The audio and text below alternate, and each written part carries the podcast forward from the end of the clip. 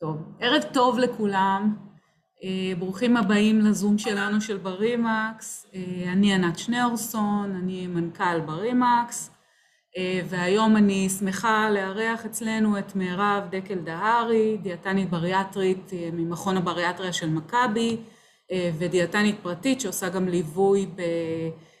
לפני ועדה, באישורים לקראת ניתוח.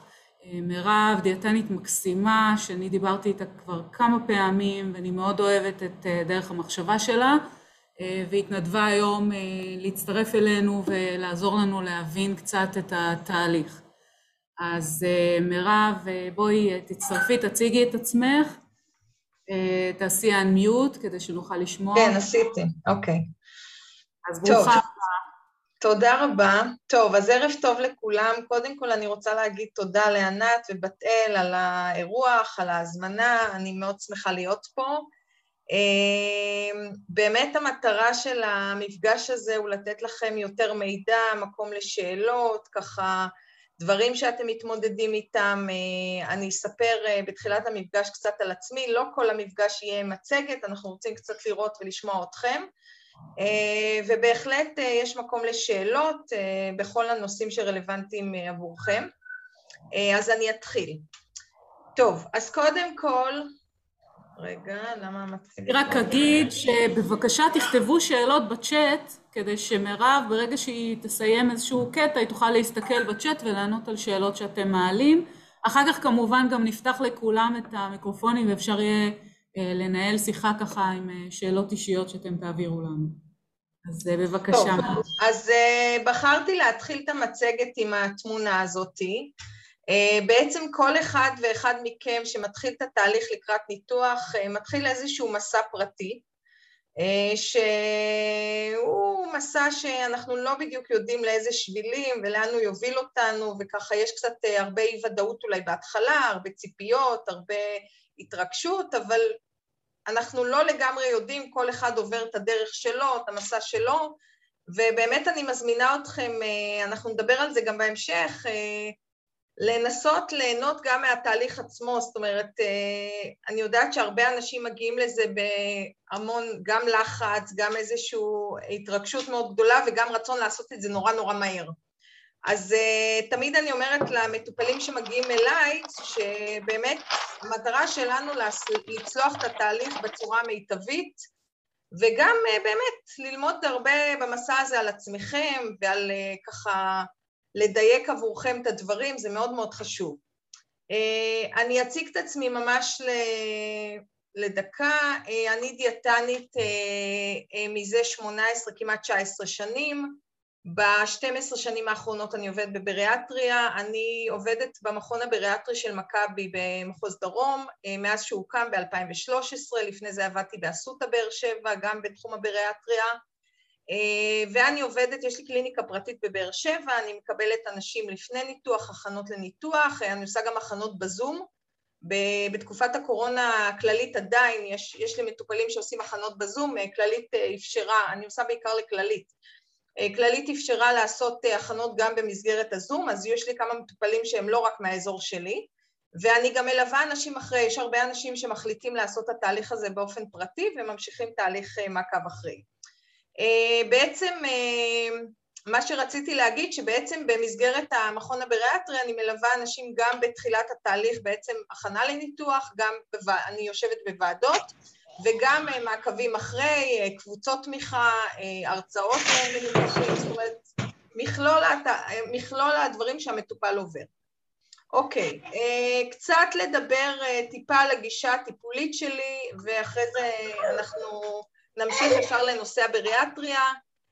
אני, כמו שאמרתי, דיאטאית ותיקה, אני מטפלת הרוב בריאטריה, אבל גם באנשים שסובלים מהשמנה, שרוצים לעשות תהליך שהוא לא ניתוח בריאטרי, ובעצם אה, אני משלבת בתהליך אה, שאני עוברת, שאני עושה עם מטופלים אה, גישה שנקראת נון דיאט. בעצם מבחינתי אני רוצה שבן אדם יעשה תהליך משמעותי שיוביל אותו לזה שהוא לא יהיה כל הזמן במעגל הדיאטות, אוקיי? אני מניחה שכולכם פה, אם הגעתם לתהליך של ניתוח בריאטרי, עברתם אילו דיאטות בחייכם וניסיתם לרדת במשקל, ולצערנו אנחנו נוכחים לדעת שאנשים שכל הזמן בדיאטות, בסופו של דבר רובם מגיעים להשמנה, וההשמנה מתגברת. ולכן הגישה הטיפולית שבה אני עובדת זה בעצם לנסות אה, להוציא את המטופלים ממעגל הדיאטות, אנחנו עובדים בעצם על הדברים העמוקים יותר של, ה, של הסיבות להשמנה, שזה עבודה על רעב ושובע, על זה שאני יכול לאכול הכל,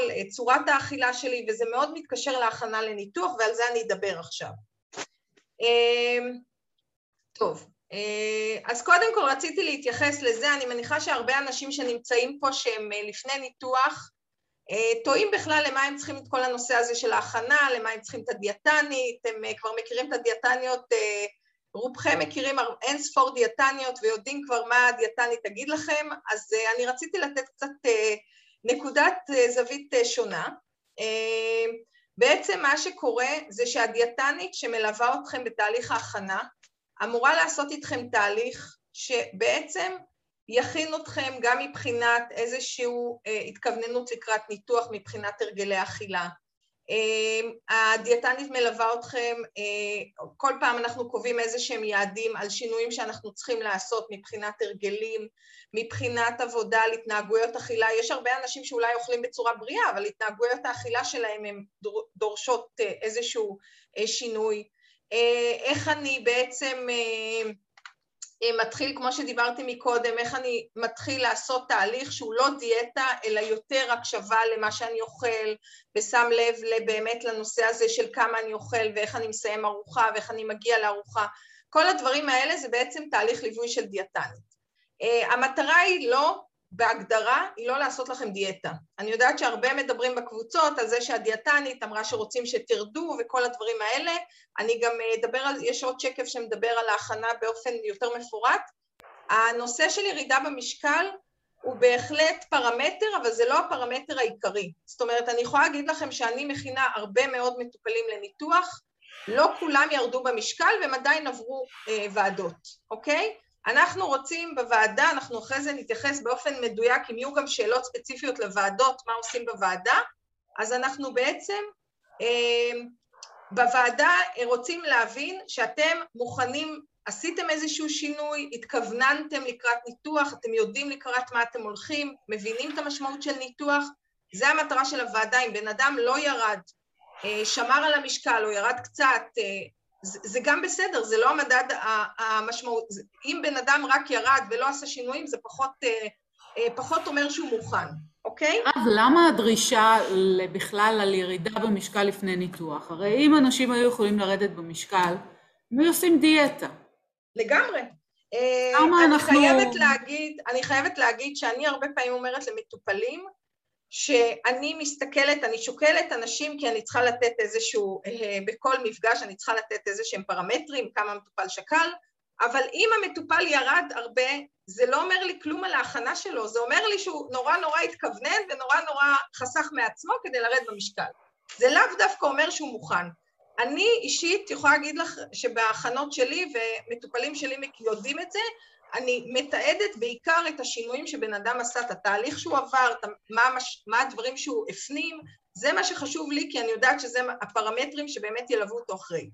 אה, אני חייבת להגיד שיש כאלה אנשי מקצוע שרואים בירידה איזשהו אה, אולי איזשהו באמת אה, השקעה של המטופל, ונכון שאנחנו רוצים שהמטופל קצת ירד, כי גם להליך הניתוחי זה קצת ישפר, אבל להגיד שזה הפרמטר היחיד, לי קשה להגיד את זה, ואני גם, שוב, אני אומרת את זה למטופלים.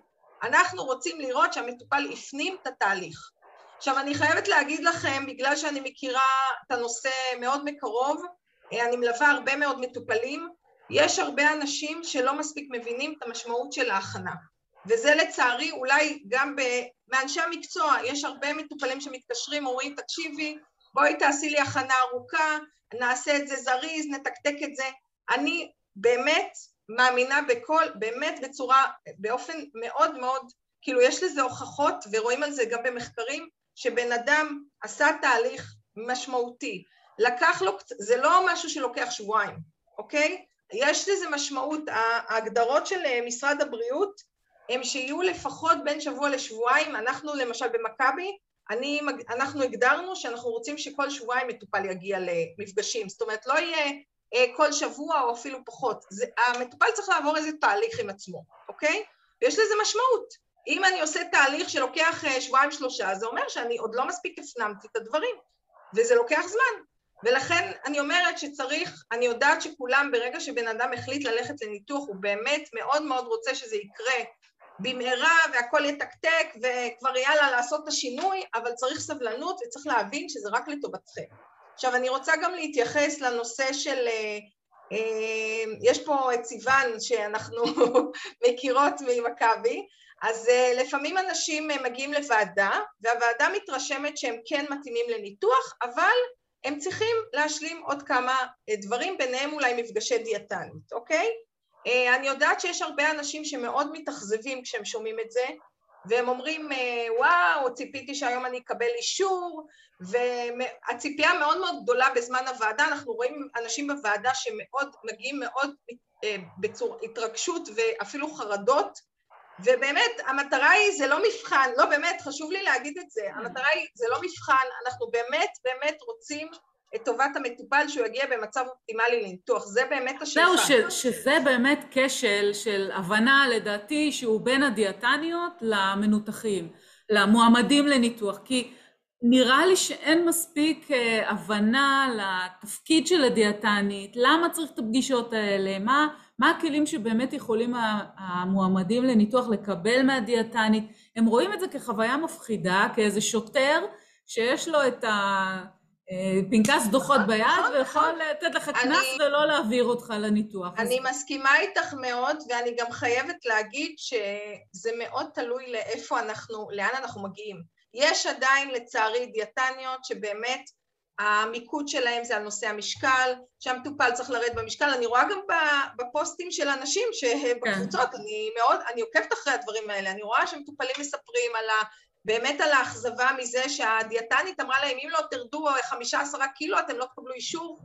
תראו, אני חייבת להגיד, באמת בתור מישהי שנמצאת בתוך העניינים, אה, שוב, זה מאוד תלוי. כל מקום יש לו את האג'נדה שלו, את הדגשים שלו, אבל אה, אם אנחנו, אם אני אראה מישהו שבאמת כל ההכנה עלה במשקל בצורה מאוד משמעותית, זה באמת אומר שצריך לבדוק את העניין. אבל אם מטופל עשה תהליך באמת משמעותי, ועמד בכל מה שהגדרנו ועשה שינויים ואנחנו רואים שיש הפנמה, אז אני לא חושבת שהפרמטר היחיד זה המשקל, באמת שלא. ושוב, שוב, כל מקרה לגופו, אבל באמת, אז מה שרציתי להגיד לגבי הנושא של הוועדות, שהרבה פעמים אנשים מאוד מתאכזבים, והוועדה מצד אחד אמרה שהם מתאימים, אבל יש השלמות, אוקיי? עכשיו צריך באמת, אני יודעת, שוב אני אומרת, אני יודעת שאתם נורא נורא רוצים כבר לעבור את התהליך, אבל צריך כל הזמן לזכור שבסך הכל אנחנו רוצים שתגיעו במצב אופטימלי, ואם הוועדה החליטה שאתם צריכים לעבור עוד אלו מפגשים עם דיאטנית, קחו את זה בשתי ידיים, באמת אנשים מספרים בדיעבד, מטופלים מספרים שהם רק כשהם עברו את הניתוח הם הבינו כמה הכנה היא חשובה. הנה מירב, באמת יש לנו פה שאלה. אומרים, כל הזמן אתם אומרים הכנה, הכנה, הכנה, הכנה. מה זה ההכנה הזאת? מה, okay, אוקיי, okay. אוקיי. מה אפשר לצפות. לקבל okay. מדיאטנית okay, בתהליך בוא, ההכנה? אז, מה חשוב? אז, בוא, אז בואו נעשה, אוקיי? אני שנייה אעביר את השקף, חכו שנייה, דקה. אה, אוקיי. טוב, יופי. רגע. טוב, עכשיו אנחנו נדבר על ההכנה, יש פה לדעתי שני שקפים שאני אשתף, אוקיי?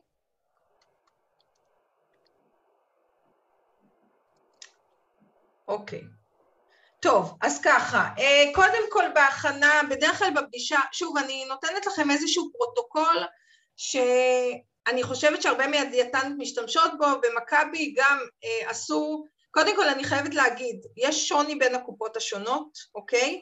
במכבי למשל, אה, כל דיאטנית אה, יכולה לעשות הכנה לניתוח, זה לא רק דיאטנית בריאטרית, אוקיי? כל דיאטנית שעובדת במכבי עושה הכנות. אה, מקרים מיוחדים מגיעים למכונים, אבל מעקבים אנחנו ממליצים שזה יהיה במכונים של, של דיאטנית, זאת אומרת זה דיאטנית בריאטרית. ההכנה היא על ידי... הנה, זה עוד דיאטנית. מקום לבעיה. זה עוד איזשהו משהו שהוא מטעה, כי דיאטנית שהיא לא בריאטרית... יכול להיות, מצד שני, מצד שני, אני חייבת להגיד, שוב, אני לא רוצה לדבר על קופות אחרות, אה, במכבי עושים הרבה מאוד הכשרות בנושא בריאטריה לדיאטניות, הדיאטניות מאוד מעורות בנושא, כל תקופה עושים להם ממש הכשרה, היה עכשיו עוד פעם הכשרה בנושא הכנות, זה משהו שהוא באמת באופן שוטף מתעדכן והדיאטנית, זאת אומרת זה לא משהו שאם היא לא דיאטנית בריאטרית היא לא מבינה. כמובן, כמו שאמרתי, כל, יש מקרים ויש מקרים בכל, בכל מקום, אוקיי? עכשיו, בשלב הראשוני כשמטופל מגיע לדיאטנית, אני, אני אספר מה אני עושה, אוקיי? בשלב הראשוני כשמטופל מגיע להכנה, אנחנו קודם כל קצת שומעים על הרקע שלו, מה הסיבות להשמנה, אה, מה הוא יודע לגבי הניתוחים, אוקיי? זה מאוד מאוד חשוב, הרבה פעמים כמו שאני שומעת גם ממטופלים, הם לא בדיוק, חלקם לא יודעים בדיוק לאיזה ניתוח הם רוצים לעשות, או לחילופין שמעו ממישהו המלצה לא ממש התייעצו. אה, אני חושבת שאחד הדברים החשובים זה במהלך ההכנה באמת כמה שיותר לקבל מידע, גם מהדיאטנית, גם ללכת לכירורגים אה, בריאטרים, גם לשמוע הרצאות. עוד דבר מאוד חשוב שיש במכבי, למכבי יש אה, למטופלים הרצאות טרום ניתוח, היום בשנה האחרונה זה מתקיים בזום, זה פתוח לכל המטופלים של מכבי, אוקיי? זאת אומרת כל מטופל של מכבי שמתעניין לגבי אה, ניתוח בריאטרי מוזמן לפנות אה, דרך הסניף או דרך זימון תורים או דרך הדיאטניות ונרשם להרצאה וזה נעשה בזום באופן זמין, יש כל שבועיים הרצאה, כל אחת מהדיאטניות מהמכונים, אני גם מעבירה את ההרצאה הזאת, זה דיאטניות בריאטריות מעבירות את ההרצאה לקהל הרחב, אוקיי? אז זה לגבי זה. עכשיו, אז בעצם במפגש הראשון אנחנו קצת שומעים רקע על המטופל, התנהלות האכילה שלו, מה הדברים ככה, הקשיים שהוא מתמודד איתם, ניסיונות שהוא עשה בעבר, למה הוא החליט ללכת לניתוח, וגם קצת לשמוע באמת על הניתוחים, זאת אומרת לתת לו איזשהו מידע על הניתוחים השונים, מה הוא יודע, מה הוא לא יודע, כל הדברים האלה, קצת יותר ככה להרחיב את היריעה מבחינת המידע שיש למטופל. עכשיו, אה, אנחנו מתחילים אה, להבין בעצם מה התנהלות האכילה של המטופל, כשבעצם במפגשים אנחנו עובדים, מתחילים לעבוד על אה, התנהלות אכילה שמותאמת לניתוח. זה אומר תדירות אכילה לאורך היום, ארוחות עיקריות, ארוחות ביניים, דגש על חלבונים, מתחילים לעבוד על קצב אכילה, אני עובדת המון עם מטופלים על נושא הרעב ושובע, מי שעשה אצלי הכנה יודע את זה, אני עובדת על זה הרבה. זה ממש חשוב. אני חושבת שזה משהו קריטי, וזה משרת אותם גם אחרי, כי אני יודעת שאת דיברת על זה, גם ראיתי על זה התכתבויות, שאנשים לפעמים אוכלים נורא מהר, הם לא, הם לא, לא תרגלו את האכילה שמותאמת לאחרי ניתוח, וזה קושי מאוד גדול אצל הרבה אנשים. כל הנושא של קבוצות מזון, קצת יותר דגש על חלבון מבחינת, יש אנשים שלא ממש יש להם את הידע הזה. עכשיו... וזה לא משנה בכלל איזה ניתוח הם הולכים לעשות, כל אחד מניתוחים הבריאטריים, מה שאת נותנת כרגע לגמרי, זה לגמרי. נכון לכולם. כן, כן. Uh, עכשיו, אני יכולה להגיד לכם שיש קצת שוני בין הקופות, uh, אני מכירה קצת uh, את הנושא, במאוחדת למשל אני יודעת שעושים איזושהי סדנה, גם בלאומית, זאת אומרת, יש קצת התנהלות שונה בין הקופות, בכללית צריך לעשות שישה מפגשי הכנה, אה, וצריך אישור של אה, הכללית אחרי הניתוח. אצל מכבי, זה נעשה בעצם, אה, המטופל מגיע לוועדה במכבי או באסותא ואז הוא מקבל ישירות את האישור, הוא לא צריך עוד ועדה של כמו בכללית, זאת אומרת הוא לא צריך אישור נוסף, אלא אם כן זה ועדת חריגים, אוקיי? עכשיו, בעצם בתהליך ההכנה אנחנו מתחילים לתרגל את כל הדברים שאנחנו צריכים שיקרו לאחר ניתוח, אם זה אה, הורדת שתייה מתוקה, אה, הורדת שתייה מוגזת, אה, כל הנושא של הפרדה בין אוכל לשתייה. שוב, זה משהו שאנחנו לאורך המפגשים כל פעם קובעים אלו שהם, אלה כמה יעדים שהמטופל צריך לעבוד עליהם, ומתקדמים מבחינת ההתנהלות אכילה שמותאמת לאחר ניתוח. זאת אומרת, ברגע שמטופל מסיים הכנה, הוא אמור להיות במצב שהוא גם יודע לקראת מה הוא הולך, זאת אומרת, אנחנו עושים איזשהו תיאום ציפיות ראשוני בתהליך הזה, אוקיי? לקראת מה אני הולך, וגם כבר יש לו מושג מבחינת ההתנהלות, הוא כבר במצב אחר. עכשיו, אני חייבת להגיד, אני מניחה שחלקכם כבר עברתם את התהליך הזה של ההכנה, יש לנו מקרים שמטופלים באים ולא קורה כלום בהכנה, ואז הדיאטניות אומרות, טוב, אז אתה צריך להמשיך.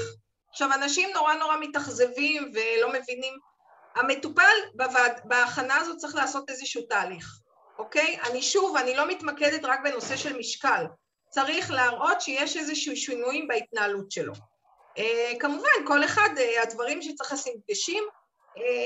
דיברת, אני יודעת שדיב... שעלה גם הנושא של אכילה רגשית, אנחנו כמובן נוגעים בזה, אני לא יכולה להגיד שאנחנו, זה מטופל בצורה מלאה, כי זה משהו שאנחנו עובדים עליו גם אחרי הניתוח. במקרים מסוימים, אם למישהו יש איזושהי דברים מאוד קיצוניים, אם זה אכילה רגשית בצורה מאוד מאוד מוגזמת, או הפרעות אכילה, אז כמובן אנחנו כבר נפנה אולי לאיזשהו תהליך רגשי במקביל, זאת אומרת, יש לזה איזושהי התייחסות. אבל... אם יש לך טיפים, אז בסוף כן. הזום ככה תתני לנו. כמה טיפים גם להתמודדות עם אכילה שהיא רגשית אחרי הניתוח, כי לפעמים השדר בין הראש השמן לקיבה הקטנה, העבר okay. לא אוקיי. עובר טוב, אז אה, אולי כמה טיפים ככה טובים. אה, אוקיי. Okay. טוב, אמ, אני רוצה רגע, אה, טוב, אז רגע, אז אני רוצה רגע לסיים את הנושא של ההכנה. אנחנו כן עובדים, אני מבחינתי עובדת הרבה על נושא של תכנון וארגון וסדר יום. שוב, אנחנו יודעים שיש הרבה אנשים שהקושי שלהם הוא עם זה, עם איזושהי התארגנות, אם אין, אין סדר יום מתוכנן, אין בכלל, יש כאלה שלא אוכלים הרבה לאורך היום ובזה מתבטאת בעצם, בגלל זה נגרמת ההשמנה, יש הרבה אנשים שיש אכילה נשנשנית, אה, זה דברים שאנחנו עובדים עליהם בהכנה, זאת אומרת אנחנו כמובן, אה, פעם מטופלת שאלה אותי, אמרה לי אם אני, אם הכל היה מושלם אז לא הייתי באה לניתוח, זה נכון, אנחנו לא מצפים שמטופל יגיע לסיים הכנה מצב מושלם, אבל אנחנו כן, כמו שאמרתי, גם מבחינת תיאום ציפיות, הוא יודע לקראת מה הוא הולך, הוא כבר מקוונן מבחינת ההתנהלות שלו לאחרי ניתוח, וזה שם אותו במקום הרבה יותר טוב מבחינת רמת המוכנות והציפיות שלו אחרי ניתוח, זאת אומרת, בן אדם יודע לקראת מה הוא הולך. ברור שעד שאתה לא עובר את הניתוח אתה לא יודע באמת, אבל הוא, הוא כבר יודע לק... מה הולך להיות בגדול, שזה מאוד מאוד חשוב, אוקיי? אני חייבת להגיד שגם בהכנה, אני כמובן מדברת על כל מה שהולך להיות, לפחות בחודש הראשון אחרי. זאת אומרת, יש גם התייחסות לכל מה שיהיה אחרי. מבחינת שלבי הכלכלה, אני ממש עוברת עם המטופל, מה הולך להיות כל שלב. אה, מבחינת התופעות לוואי, מבחינת דיאטה דלת פחמימות, זה מאוד מאוד חשוב, אנשים לפעמים, החוסר ידע הזה מאוד מאוד מפריע להם בהתנהלות בחודש הראשון, יש הרבה קשיים, יש אנשים שהם לא יודעים לקראת מה הם הולכים וזה נורא מקשה, אוקיי? אז זה מאוד מאוד חשוב. דבר נוסף אחרון לגבי הכנה, חוסרים תזונתיים. יש הרבה אנשים שמגיעים לדיאטנים אה, עשו בדיקות, אה, לצערי ידעו, לא ידעו, רופא אמר, לא אמר, ומגיעים עם חסרים, יש כאלה שמגיעים עם חסרים מאוד משמעותיים. יש הרבה אנשים אומרים, מה, אני אוכל הכל, יש לי חסרים, אבל לפעמים אנשים, התזונה שלהם לקויה, למרות שהם אוכלים הכל. אוכלים ג'אנק. מה? כן, לגמרי. אוכלים ג'אנק. לא אוכלים את אבות המזון הנכונים, מסתובבים חוסרים שנצברו להרבה שנים אחורה, בעיקר נשים. נכון. וזה הבעיה. אז אה, רציתי להגיד לגבי זה, אה, שוב, גם פה זה תלוי מאוד לאן, לאיפה אנחנו עוברים ועדה. אני חייבת להגיד שאצלנו אה, מאוד מקפידים על הנושא של השלמת חוסרים. אם מישהו, כמובן, אם יש משהו קל אז בסדר, אבל אם מישהו מגיע עם חוסרים משמעותיים, אם זה אנמיה או ויטמין D נמוך, או אחד מחומצה פולית או ב-12, אנחנו מבקשים קודם לתקן לפני מתן אישור. בעיקר בניתוחי תת-ספיגה, אנחנו רוצים שהמטופל יגיע במצב אופטימלי לניתוח. אוקיי? אנשים לא יודעים, סליחה מירב שאני קוטעת אותך, שאפשר להתחיל לקחת ברימקס חודש-חודשיים לפני הניתוח. נכון. זה נכון. יעלה לכם אנחנו... את המדדים בצורה מהירה בלתי רגילה, ויביא אתכם במצב יותר טוב. לגמרי, וגם אנחנו, אנחנו גם ממליצים למטופלים, בנוסף, אם, כמובן אם, אם יש השלמות אז משלימים, אבל גם להתחיל לקחת מולטיוויטמין לגמרי לפני. כן. אוקיי. וברזל טוב. בנפרד, לקחת ברזל בנפרד, שיספג כמו שצריך, כי ברזל נכון. זה בעיה מאוד גדולה של הרבה מאוד אנשים, ולקחת אותו בנפרד. כן. לא ביחד עם דברים אחרים. טוב, אנחנו רגע נעצור את המצגת ונראה מה עוד אה, יש. אני כמובן רוצה לדבר על עוד הרבה דברים. אה, טוב, רגע. טוב, אני רוצה רגע לדבר על הוועדה, בסדר? ואז נעבור לשאלה הבאה. קודם כל, אני לא יודעת כמה פה מהמטופלים הם לפני או אחרי, אבל אני אדבר ממש בקצרה על תהליך הוועדה, אוקיי? קודם כל, אה, כמו שאמרתי, כל קופה יש לה את ההתנהלות שלה ואת הדרך אה, מתן אישור שלה, כל אחד קצת מתנהל אחרת. אבל בגדול מטופל מגיע לוועדה, אם זה בבית חולים או במסגרת המרפאות, אצלנו במכבי למשל זה נעשה או באסותא או במרפאות של מכבי, במכונים.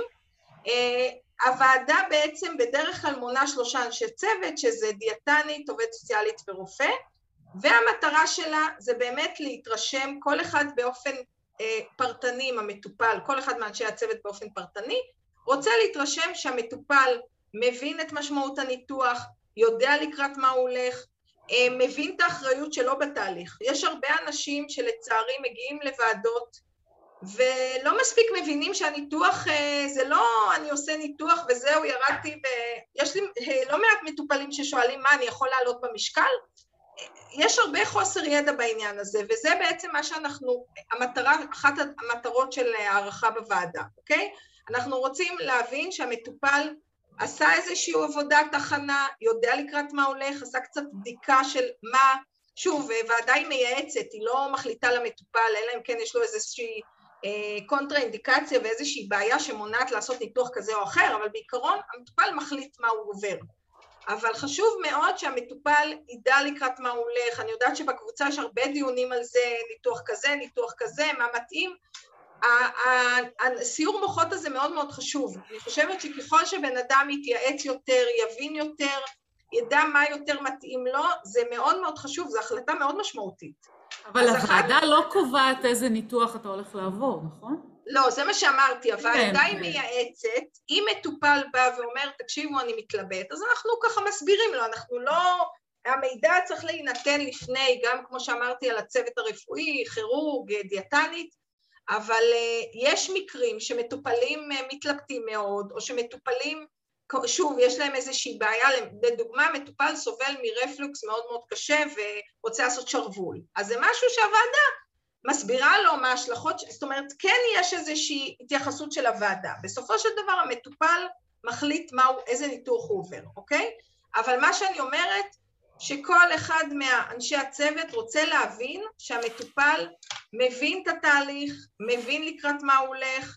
אה, אנחנו, אנחנו בעצם בשאלות שלנו, בתור למשל דיאטנית, אנחנו שואלים מה הרקע של ה... אה, זאת אומרת, להבין את הרקע של המטופל, מה הניסיונות שהוא עשה לפני, אה, שיספר על תהליך ההכנה, זאת אומרת, לראות שהבן אדם באמת עשה איזשהו שינוי, מודע לאחריות שלו ומודע לה, בעצם למה הולך לקרות מבחינת הניתוח. כמו שאמרתי קודם, למי שלא היה פה מקודם, המשקל הוא פרמטר, אבל הוא בהחלט לא הפרמטר העיקרי, ו... אני, אני מאוד מדגישה את השינויים שהמטופלים צריכים לעשות יותר מהמשקל, אוקיי? זאת אומרת, גם אם מטופל לא ירד באופן ניכר, זה עדיין לא אומר שהוא, מתאים, שהוא לא מתאים לניתוח. אוקיי. Uh, עכשיו אני אעצור את ה... בואי, בואי נתייחס קצת לשאלות ששאלו אוקיי. בצ'אט. אולי אה, תגידי לענות. אוקיי. בסדר? רגע, אז בואו נראה. Uh... טוב, אז יש פה את, אה, זה הראשונה, את סתיו. אה, אני חודשיים אחרי ניתוח מיני מעקב כל הזמן סביב אוכל למרות שלא רעבה וגם כשאני שבעה אני מנשנשת, איך אפשר לטפל בזה? אז קודם כל, אה, סתיו, את פה, אני רואה אותה, אני לא רואה את, את כולם, אבל... היי, כן, 아, אני... אוקיי, טוב, היי. קודם כל, שאלה, את במעקב? הולכת לאיזה... כן, אני אצל דיאטנית פעם בשבועיים. אוקיי. Um, היא כן מודעת uh, למצב שאני נמצאת בו כרגע, אני כנראה חושבת שזה משהו שהוא באמת רגשי. אה, תראי, uh... אני חושבת, סליחה שאני קוטעת אותך, אני באמת חושבת שיש כאן שילוב של דברים, למה שאני מבינה.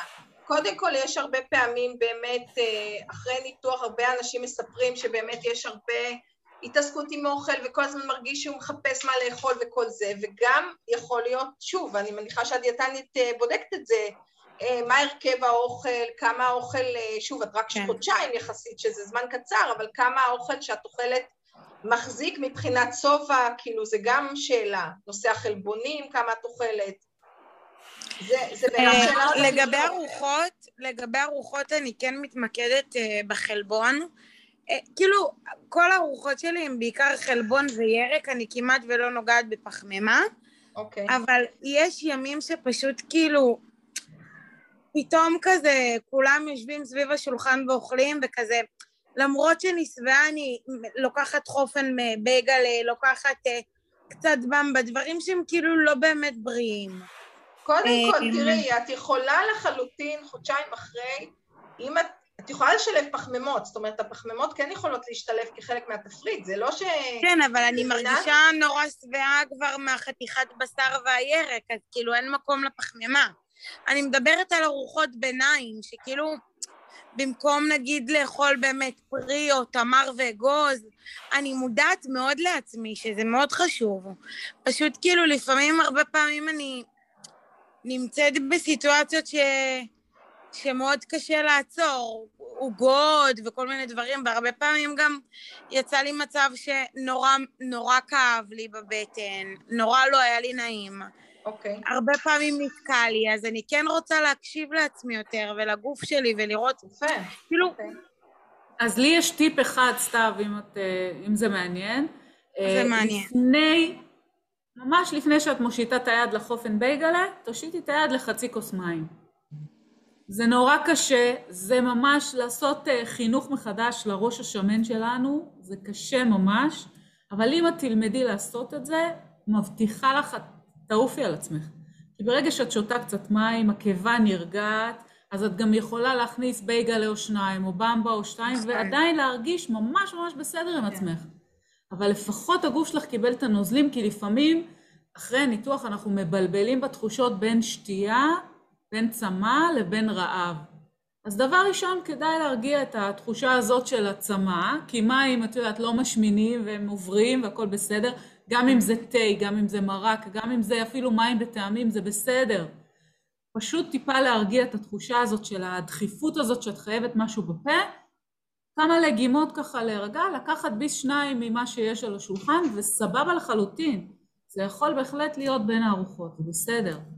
גם אני מותר חייבת- לנו לאכול משהו טעים. לא- לגמרי, אני, אני לא, מצטרפת בסיום. לענת ורוצה להגיד שאם את מדי פעם מרגישה צורך לאכול אה, בייגלה או משהו, או במבה, לא משנה, אני הרבה פעמים אומרת למטופלים, תצרפו לזה קצת חלבון. נגיד, את אוכלת קצת בייגלה עם קצת גבינה. בדיוק. יכול כן. להיות, תראי, את- הארוחות ביניים בשלבים האלה של חודשיים אחרי ניתוח, הם, הם גם כמו ארוחה, זאת אומרת, זה, לא, זה הגיוני מאוד שאת תהיי רעבה. יכול להיות שבאמת יש את הצורך, ל, כמו שאת אומרת, משהו אחר ולנשנש, אבל את יכולה לחלוטין להפוך את זה לארוחה שהיא יותר טובה בשבילך, אם תוסיפי לזה קצת חלבון, זה בסדר. את לא צריכה להרגיש עם זה אבל לשים לב, אם זה מיד אחרי ארוחה שאכלת עכשיו, אה, בשר נכון, וירק לגמרי. וזה, אז כנראה אז זה שזה פחות, צמא נכון. וזה לא כן. באמת רעב. אבל נכון. אם זה במרחק של שעה, שעתיים אחרי שאכלת ארוחה, אז זה בהחלט כמו ארוחת כן. ביניים, אז נכון. מאוד הגיוני נכון. שתאכלו. אני גם, כן. אני גם חושבת ש, שכל הנושא הזה סביב האוכל, זה בעיקר כי כרגע אין לי מסגרת שאני עובדת ושאני, כן, כאילו, לחלוטין. אני, אני כרגע לא עובדת כי עברתי תאונה, אבל כאילו אני מאוד מרגישה כזה, כל הזמן אני בבית, כל הזמן אני כזה, יש את ה... סביב האוכל, כן, לגמרי. כאילו לארוחה הבאה. את מבינה, כאילו, אם הייתי במסגרת כלשהי, אז, אז כן, כאילו, אז גם היציאות של, אני יכולה להגיד לך שאני, כשעבדתי במלון חודש אחרי הניתוח, אז היציאות שלי היו הרבה יותר, כאילו, טובות, כי אכלתי גם דברים שהם מזרזים שירותים, וגם, כאילו, לא היה לי באמת זמן להתעסק באוכל, וגם, כאילו, לא הייתי באמת רעבה, אני גם לא באמת רעבה כשאני אוכלת הרבה דברים. אבל יכול להיות שבאמת זה, כמו שאת אומרת, המקום הזה שאת עכשיו בתקופה קצת אה, שונה, ואת כל היום בבית, כן. וזה גורר גם אכילה שהיא יותר אה, רגשית ובאמת יותר נשנושים. בסדר, אבל שוב, תקחי את. זה למקום... מירב, יש לי רעיון, אני אכין מדבקות ברימקס עם הכיתוב, את לא באמת רעבה. שתדביקו את זה על המקרר שנייה לפני שפותחים ואוכלים. זה נראה לי... אה, זה מעולה, מעולה. אוקיי. טוב. יפה. אה, תודה רבה. כיף, בהצלחה, סתיו. אה, טוב, שאלו פה לגבי הכנה, זו מילה כללית, אני מקווה שקיבלתם תשובות. אה, מי שרוצה עוד לשאול לגבי הכנה, אני אשמח לדבר על זה, יש לנו עוד נושאים שאנחנו נדבר. טיפים לאחר ניתוח, בהחלט, אני אדבר על זה תכף בהמשך. אה, בואו נראה. עדינה, אם אני עשרה חודשים אחרי ניתוח מעקף מלא ואין לי מענה בקופה בקשר לדיאטיים במאוחדת, אם אני אעבור קופה אחרת, אם זה אפשרי. כן, לגמרי. אה, אנחנו, אני מציעה לך באמת לברר, אם את לפני שאת עוברת קופה, מה המענה שתקבלי בקופה שאת אה, באזור מגורים שלך, כדי שיהיה לך מענה כמו שצריך, אבל לחלוטין, אני חושבת שזה שיקול חשוב, כי הנושא של הליווי הוא מאוד מאוד משמעותי, מאוד. אה, אנחנו אוקיי. יודעים שיש קופות שהן קצת יותר ידידותיות למנותחים נכון, אריאטריים נכון, מקופות. אחרות, אז ממש אין בזה שום בעיה, תעברי. כן. תעברי עם כל התיק שלך בצורה מסודרת, תמצאי את הדיאטנית המתאימה, שתגיעי איתה להבנה שהיא, שאת מרגישה שהיא באמת נותנת לך מה שאת צריכה, ולכי על זה. לגמרי. אוקיי. אה, יש פה אה, עדה, אה, אני קרוב לחודש אחרי ניתוח, אף אחד לא הכין אותי לרעב שאני מרגישה כל שעתיים גג. אז זה מאוד קשור למה שדיברנו עכשיו. עדה, את פה? כן. אוקיי. תדליקי לנו מצלמה שנראה אותך. אין לנו. טוב. הנה. אוקיי. טוב. אז אה, קודם כל, אה, איזה... אה, עשית ניתוח... אה, מיני מכה. אוקיי. ואת נמצאת באיזשהו ליווי? הייתי פעם אחת אצל דיאטנית, אני במכבי, והיא אמרה לי אחרי שלושה חודשים לחזור שוב. את רצינית? כן. טוב, אני, אוקיי. אני איפה? אמרתי לה איזה מין מעקב זה. איפה? בקריית השרון. זה אזור... נתניה. נתן, כן, אוקיי. אה, טוב, קודם כל אני יכולה לבדוק לך, אבל אה, זה נראה לי, לא יודעת, יכול להיות זמינות, יכול להיות שזה זמינות תורים, אני לא יודעת להגיד, גם אצלי זמינות תורים די לא טובה, אבל מפתיע שזה המעקב, אני לא יודעת להגיד לך, אני לא רוצה... גם אני הופתעתי, כי אני אבל מקסימום תשלחי לי הודעה אחרי זה ואני אנסה לברר לך. בכל מקרה, תראי, אני רוצה להתייחס למה שדיברנו מקודם, זה די באותו עניין. חודש אחרי ניתוח זה זמן יחסית קצר, יש הרבה עוד, את כבר, אני מניחה שאת כבר בכלכלה רגילה, לא? כן, כי... רכים, רכים. בעיקרון אני... בעיקרון אני מוצאת את עצמי שאני יכולה באמת אה, לאכול הכל. כן. זאת אומרת, אוקיי. אין איזה משהו מיוחד ש... אוקיי. אני רק אה... מחכה לירק, לירק טרי, זה מה שחסר לי. אז זהו, אז בעיקרון אם את uh, כבר במעבר לכלכלה רגילה, אז את יכולה בהדרגה להוסיף, אבל מה שאני אומרת, שכמו שדיברנו מקודם, uh, זה באמת שלב שיש ככה הרבה מחפשים מה לאכול, וכלכלה רכה שהיא לא, זה לא, את יודעת, זה אוכל שהוא רך או נוזלי, שזה פחות משביע, ובאמת יש את העניין הזה של איזושהי תחושה שכל הזמן רעבים. אה, אני חושבת שאם הזמן של מעבר לאוכל מוצק באופן הדרגתי כמובן, לפי היכולת שלך, אה, תשפר קצת את המצב, כמובן נושא החלבונים, אה, אכילה, אני לא יודעת, את אוכלת בתדירות גבוהה? כן, ואני אוכלת רגיל, אני אוכלת קציצות, אני אוכלת ירקות מבושלים, אני אוקיי, אוכלת ביצה מקושקשת, הכל אני אוכלת, אבל כל שעתיים על השעון, אני... אני זה פשוט שינה לי את החיים כן. אבל תקשיבי, זה לא רלוונטי לטווח זמן הזה. שעתיים, שעתיים וחצי לטווח זמן כזה, זה בסדר.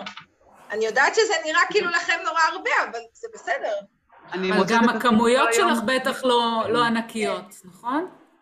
הכמויות שלי יפות, ענת. מה, ביצה שלמה, שתי ביצים? מה זה, כשאת כן, אומרת ענקיות? אני יכולה לאכול ביצה, אני יכולה לאכול מעדן שלם, אני יכולה לאכול שתי קציצות, אני יכולה... אוקיי. כאילו... מזלך. משהו מוזר מאוד. ועדיין את יורדת במשקל. אני לא יודעת, יש לי שבועיים שזה פשוט עומד. אוקיי, אבל זה קורה, כן. ירדתי כן. בעשרה ימים הראשונים ומאז כלום, זה נורא מפחיד אותי. אוקיי. את שותה מספיק? כן? אז זה ישתחרר, אל תדאגי. כן, לגמרי, זה נשמע ממש בסדר. תראי, אני כן, כמו שאמרתי, ממליצה מאוד שיהיה מעקב. אה, אני גם נדבר אחרי זה, נראה איך אפשר לעזור, אבל, אבל זה נשמע הגיוני. תראי, בטווח זמן הזה של חודש מהניתוח, אנחנו לגמרי ממליצים על דחיפות אכילה בתדירות בערך כזה, זה נשמע לי בסדר. ואת באמת שמה דגש על חלבונים, אז זה נשמע בסדר גמור. ברגעים ש, שכבר אני לא יודעת מה לאכול, אז כן, אני אוכל פתית עם גבינה, או אני אוכל קרקר עם גבינה. זאת אומרת, okay. כן אוקיי. אני אוכל איפשהו, זאת אומרת, אני לא מחפשת פסטות או דברים כאלה, או אורז או דברים כאלה, כי א', okay. זה כן. מוקדם, וב', גם, גם לא רוצה, כאילו, אני, אני בתהליך של שינוי, אני לא רוצה לפגוע בזה, אבל אני כן. רעבה. כאילו רעבה. אבל תקשיבי, שימי לב באמת שהחלבון הוא משמעותי, זאת אומרת, גם כשאת אוכלת נגיד פתית עם גבינה, שה... החלבון פה לוקח את החלק המשמעותי, כי זה כן יכול לעזור מבחינת הנושא של שובע. הגבינה תהיה בשכבה גדולה יותר כן. מהפתית. ניסית כבר לאכול לחם או שלא? כי את אומרת שעוד לא לגמרי עברת לכלכלה. אני לא הייתי ממהרת, סליחה שאני מתערבת. כן? לא, זה בסדר לא גמור, את צודקת. השבוע פשוט... קודם אה, כל מתחילים כצנים, אבל כן, אוקיי, בסדר. בגדול צנימים, בגדול צנימים כבר, זאת אומרת, כאלה התחלתי כבר, זה עובר חלק. אוקיי. Okay. אוקיי. Okay. השבוע אימא שלי הכינה אה, איזושהי טורטיה כזו, סוג של פיצה, לא אכלתי אבל טעמתי. עבר חלק. אבל לא המשכתי לאכול מהפחד, פשוט, אבל... יפה. אבל נשמע שאת אוכלת... אה, כן. את נשמע שאת גם אוכלת מגוון, יודעת מה, איך להתנהל, לגמרי. כן, פשוט אה, מדאיג אותי ש, שככה רעבים, חשבתי שאני לא ארגיש את זה. כולם עוברים את זה. כן. כולם עוברים את זה, עדה. זה מאוד טבעי, יש לך כרגע קיבה מאוד קטנה, שכל הזמן משדרת שהיא רעבה, כי היא מתרוקנת מאוד מהר. נכון. עם הזמן, עם, עם השינוי בכלכלה, שהיא תהיה יותר מוצקה ויותר ככה מסיבית, את תרגישי את הפערים מתרחקים. וזה דווקא טוב לנו לאכול כל שעתיים, זה אומר שהקיבה כל הזמן עובדת. וזה טוב לגוף. נכון. בסדר, כל עוד את מקפידה גם לשתות לפני שאת אוכלת, זה מאוד חשוב. אני כל הזמן עם בקבוק. מים לפני האוכל. כן. אפשר לשאול משהו אה, באותו נושא שעדה דיברה עליו? כן. כן, רוני, בבקשה. רק תפתחי לנו מצלמה של החיים. יופי. היי. היי. אז אני, אה, אני שבועיים אה, אחרי מיני, בשבוע הראשון uh, התחלתי גם את הכלכלה הנוזלית, הרכה, ואז כבר uh, ביום ה-11 כבר הרגשתי שזה גורם לי תחושת בחילה, כל המרקמים האלה. ואז גם כשניסיתי לטחון את ה... התחלתי לפני יומיים גם כלכלה יותר תכונה, כשניסיתי לטחון גם המרקם הזה קצת הגעיל אותי. אז פשוט uh, לקחתי קציצה ומעכתי אותה כאילו יותר ב, עם המזלג, ולעסתי ואכלתי וזה עבר לי טוב. ואני okay. שמה לב שאני כאילו מתחילה לאכול, אני כאילו לא אעשה טוב, והכל עובר לי בסדר, ואני קצת חוששת שאין לי תסמינים, או כמו שכולם מציינים בקבוצות, מחנק, ו... איזה, כן, לא אמרת לנו איזה ניתוח עשית. אמרתי מיני, מיני מעקב. כן, היא אמרה מיני מעקב, אוקיי. אז זה קצת, כאילו, השאלה היא אם זה תקין שאני לא מרגישה את כל הדברים שמרגישים בשבועיים לגמרי, מצוין, כן. כן. זה הקסם שבמיני קסם. אבל זה מוקדם כאילו, אה, אה, כאילו הדברים שאני אוכלת. נראה לי קצת הקדמתי את זמני. תראי, אני, אני כן, אני חייבת להגיד, אני לא יודעת מה ענת תגיד על זה, אני כן מקפידה עם המטופלים להתקדם אה, שלב שלב בכלכלה. אה, אני מאוד ממליצה על זה. אני כן, אה, מי שמנסה להתקדם, אני קצת עוצרת. במקרה שלך, אני שומעת מהרבה מטופלים שבאמת יש להם קושי עם השלב הטחון, שהם אומרים שזה ממש עושה להם לא יכולים לאכול את זה בטחון, אני אה, כן ממליצה אפילו לטחון טחינה חלקית, זאת אומרת כן להתחיל עם השלב הזה, וככל, גם רשום את זה בהמלצות שלכם, שככל שעוברים הימים, אז הטחינה תהיה יותר גסה, אבל אני כן ממליצה, כי מה שאת מספרת זה בעצם שלב כלכלה רכה, כאילו, את עושה, וכאילו אנחנו צריכים עוד להיות בטחון, מבינה? יש, יש הבדלים בזה. מירב, תסבירי רגע למה, תסבירי למה, כי לדעתי אנשים שלא מבינים למה השלבים האלה, למה okay. אוקיי. מתעקשים עליהם, אז הם מנסים לקפוץ קדימה, נכון. כאילו בחיים הם לא יראו אוכל יותר. כי... זה, כן, הם, קשה להם. אז... אה, הם, הם לא אני... מבינים את הקטע שזה יכול לגרום נזק לקיבה נכון, המנותחת, נכון, שהכל עוד טרי, שהשקה עם כן. תפרים, וכל נכון. חתיכת אה, מזון שהוא קצת קשה, צנים, או... או אפילו בשר שהוא לא לעוס טוב עד הסוף, יכול לתת איזה ויץ' כזה איפה שההשקה ולעשות בצקת, ואז מקללים את הרגע ואומרים למה לא חיכינו עוד שבוע. נכון. זה חבל. חבל. אה, שוב, יש בעצם איזושהי הדרגתיות, אנחנו נחזור רגע טיפה להתחלה, יש איזושהי הדרגתיות בשלבי הכלכלה. כמו שאמרתי, אני הרבה פעמים לפני הניתוח כבר מתזכר את המטופלים והם עוברים על כל השלבים. אני יודעת שעד שאנחנו לא מגיעים לרגע זה לא תמיד מובן עד הסוף, אבל מתחילים עם שלב, בעצם זה יוצא בין או באותו יום של הניתוח או יום למחרת, הם מתחילים אה, לשתות בהדרגה, לפי ההנחיות באשפוז, אה, כשבימים הראשונים, שלושת הימים הראשונים זה כלכלת, זה נוזלים צלולים, כל אה, הדברים שהם צלולים ממש, וביום השלישי מתחילים אה, מוצרי חלב נוזליים. זה בעצם לשבוע הראשון. שבוע הראשון אנחנו רק על נוזלים, אוקיי? בשבוע השני, שזה השלב שאת מדברת עליו, רוני, זה בעצם שלב הטחון. זאת אומרת, האוכל צריך להיות במרקם טחון. זאת אומרת, יש, כמו שענת אמרה, יש איזושהי הדרגתיות בכלכלה, כי כל ה... גם הקיבה, גם המעי נמצאים אחרי ניתוח, יש השקה חדשה, מחברים את ה... אם זה מיני מהכף, יש פאוט של הקיבה עם המעי, זה, זה מאוד מאוד רגיש האזור הזה, וצריך לעשות את זה מאוד הדרגתי, אוקיי?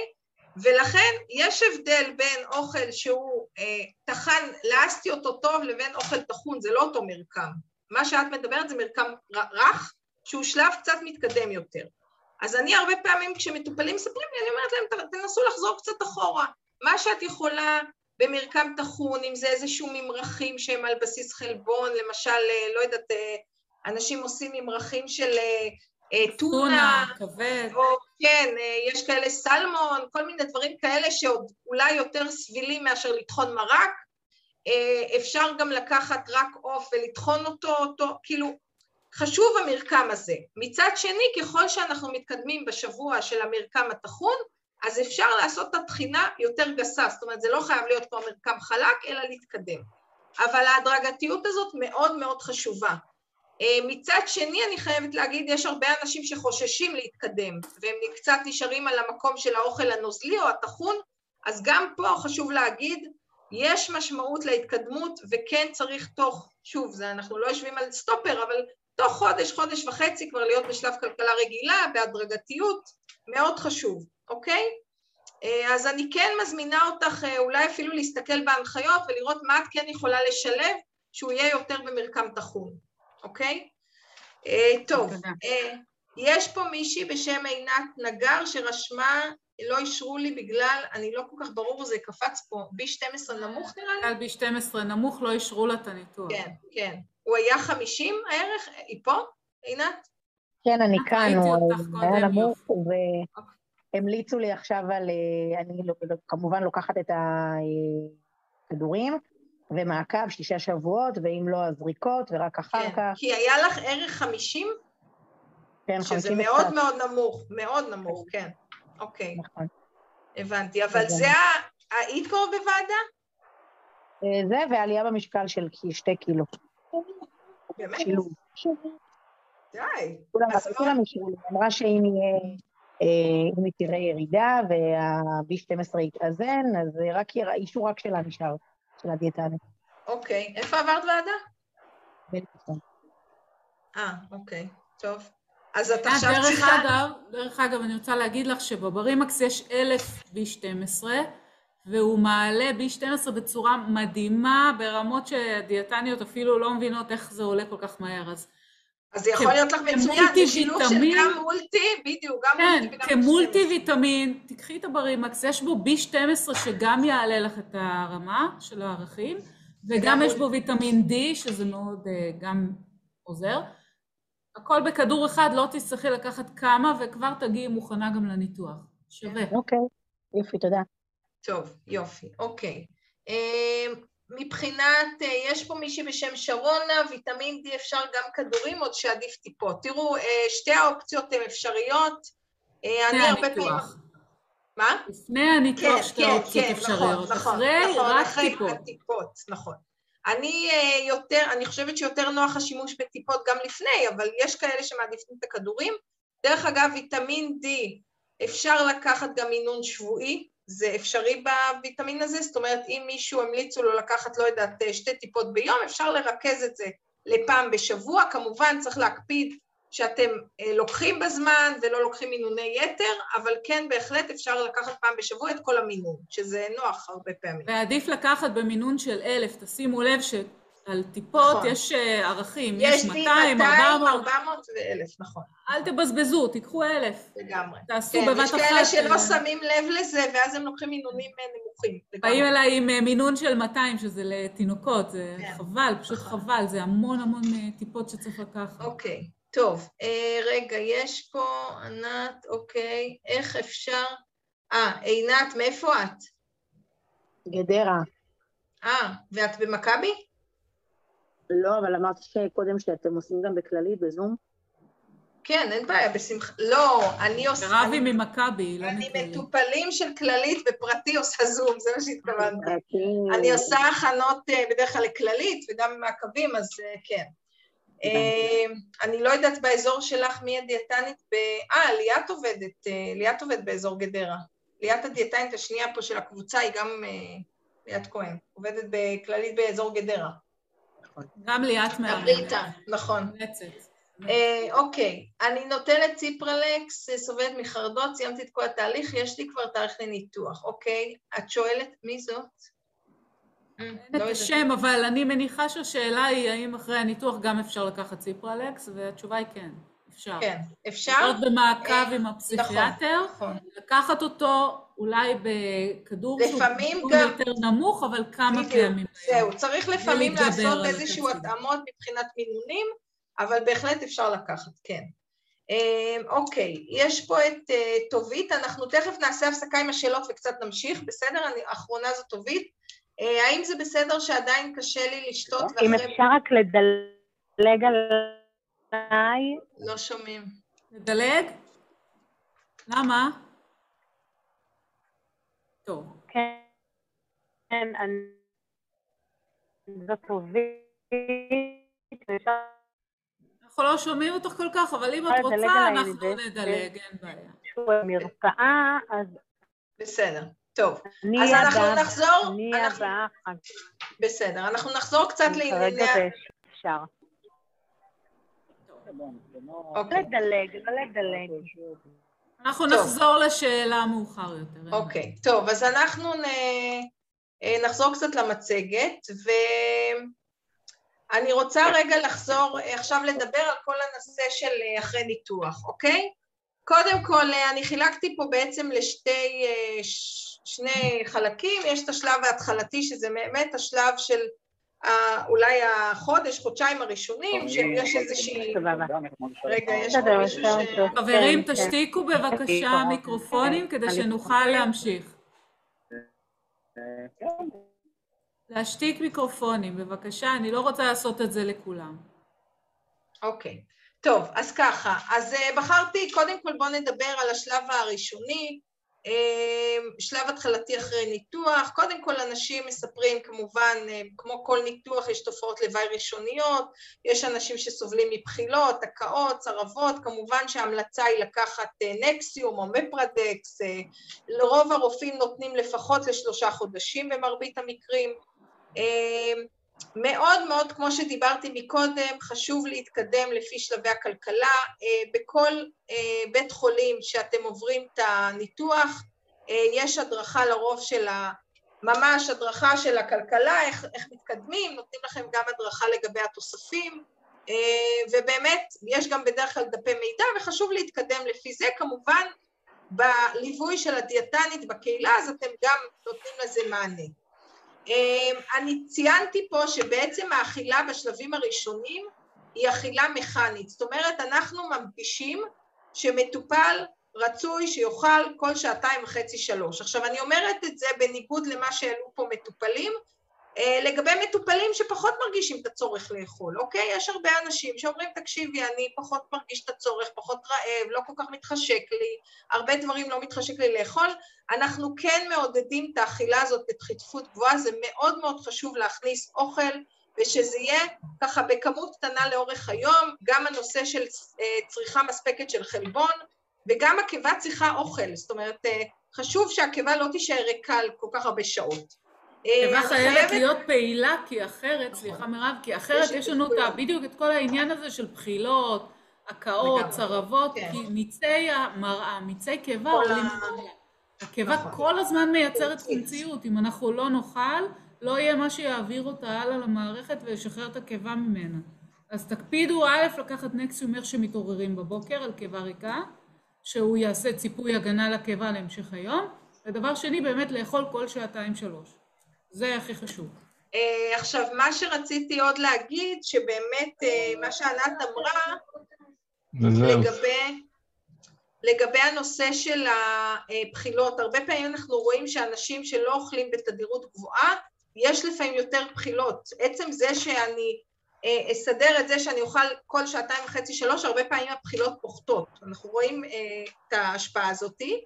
Uh, אז כמו שאמרתי, התקדמות בשלבי הכלכלה, אה, בשלב כלכלה רכה, אה, לאחר השלב הכלכלה רכה, אנחנו בעצם מתחילים לעבור בהדרגתיות לשלב כלכלה רגילה, אוקיי? עכשיו כמובן כל אחד לפי ההתקדמות שלו, אה, אם יש קשיים אפשר להישאר עוד קצת בכלכלה הספציפית הנוכחית, זאת אומרת אנחנו לא דוחפים להגיע לכלכלה רכה, חשוב לעשות את זה מאוד בהדרגתיות ובאמת אה, על פי התחושות שלכם, איך זה מרגיש, איזה דברים יותר מסתדרים לכם, איזה פחות. אה, אני חייבת להגיד שהרבה פעמים אה, אנחנו רואים שאנשים לא מצליחים לאכול, בעיקר בשלבים הראשונים, את כמות החלבון המספקת, ופה נכנס הנושא הזה של העשרה לפעמים באבקות חלבון. יש לענת, היא תכף בטח תספר, על האפשרות לעשות איזושהי העשרה באבקות חלבון. זה אוקיי. הדברים האלה. טוב, אני נורא... אוקיי, כן. שזה בא במנות אישיות, לא צריך לקנות אה, מיליונים, ואפשר לעשות פעם ביום שייק חלבון ולקבל העשרה, אה, לדלל את זה כמה שרוצים עם מים וקרח, ובאמת זה עוזר לנו בשלבים שקשה לנו לאכול. כן, כי הרבה פעמים, שוב, אנשים אה, גם... אה, איזושהי הסתגלות להרבה מזונות, לא מצליחים לאכול, עושה להם כל מיני תופעות לוואי, לא עובר טוב, ואז אנחנו נתקלים בקושי בעצם איך להעשיר מבחינה חלבונית. אז בעצם זה נכון לתת מענה. אני חייבת להגיד שגם בקופות אנחנו נותנים כל מיני אבקות חלבון, אבל היתרון פה, שפה זה במנות אישיות, ואז אנחנו יכולים לקנות את זה פר אה, מנה אישית או כמות מסוימת לתקופה, ולא חייבים לקנות את כל הכמות הגדולה שיש בקופות. אז זה באמת יתרון. אה, אני רוצה רגע להגיד לגבי, רשמתי פה לגבי הנושא של אוכל מוצק. אחד הדברים שאנחנו מדגישים בנושא של המעבר לשלב כלכלה רגילה, שהשאיפה שלנו שהמטופל כן יתקדם לאוכל יותר מוצק.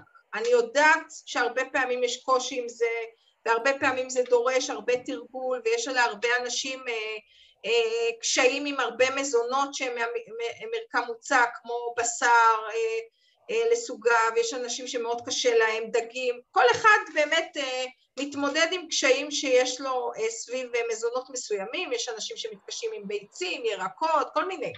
אבל מצד שני, אנחנו באמת מעודדים את הנושא הזה של כן לנסות לשלב חלק מה, לפחות חלק מהמזונות שיהיו יותר מזונות מוצקים, אה, אני חייבת להגיד שככל שאנחנו מתקדמים מהניתוח, אז אנחנו רואים שככל שבן אדם אוכל יותר אוכל מוצק, אז אין מה לעשות, זה, זה משפיע יותר, השובע הוא ממושך יותר, כמובן יש שילוב של אה, איך, מה יש בצלחת, שיש בזה גם אה, ירקות ופחמימות, וכמובן תוספת קצת של שומן, אבל אנחנו כן מעודדים לא להישאר במקום הזה של אוכל רך ונוזלי, אלא יותר להתקדם לאוכל מוצק, אוקיי?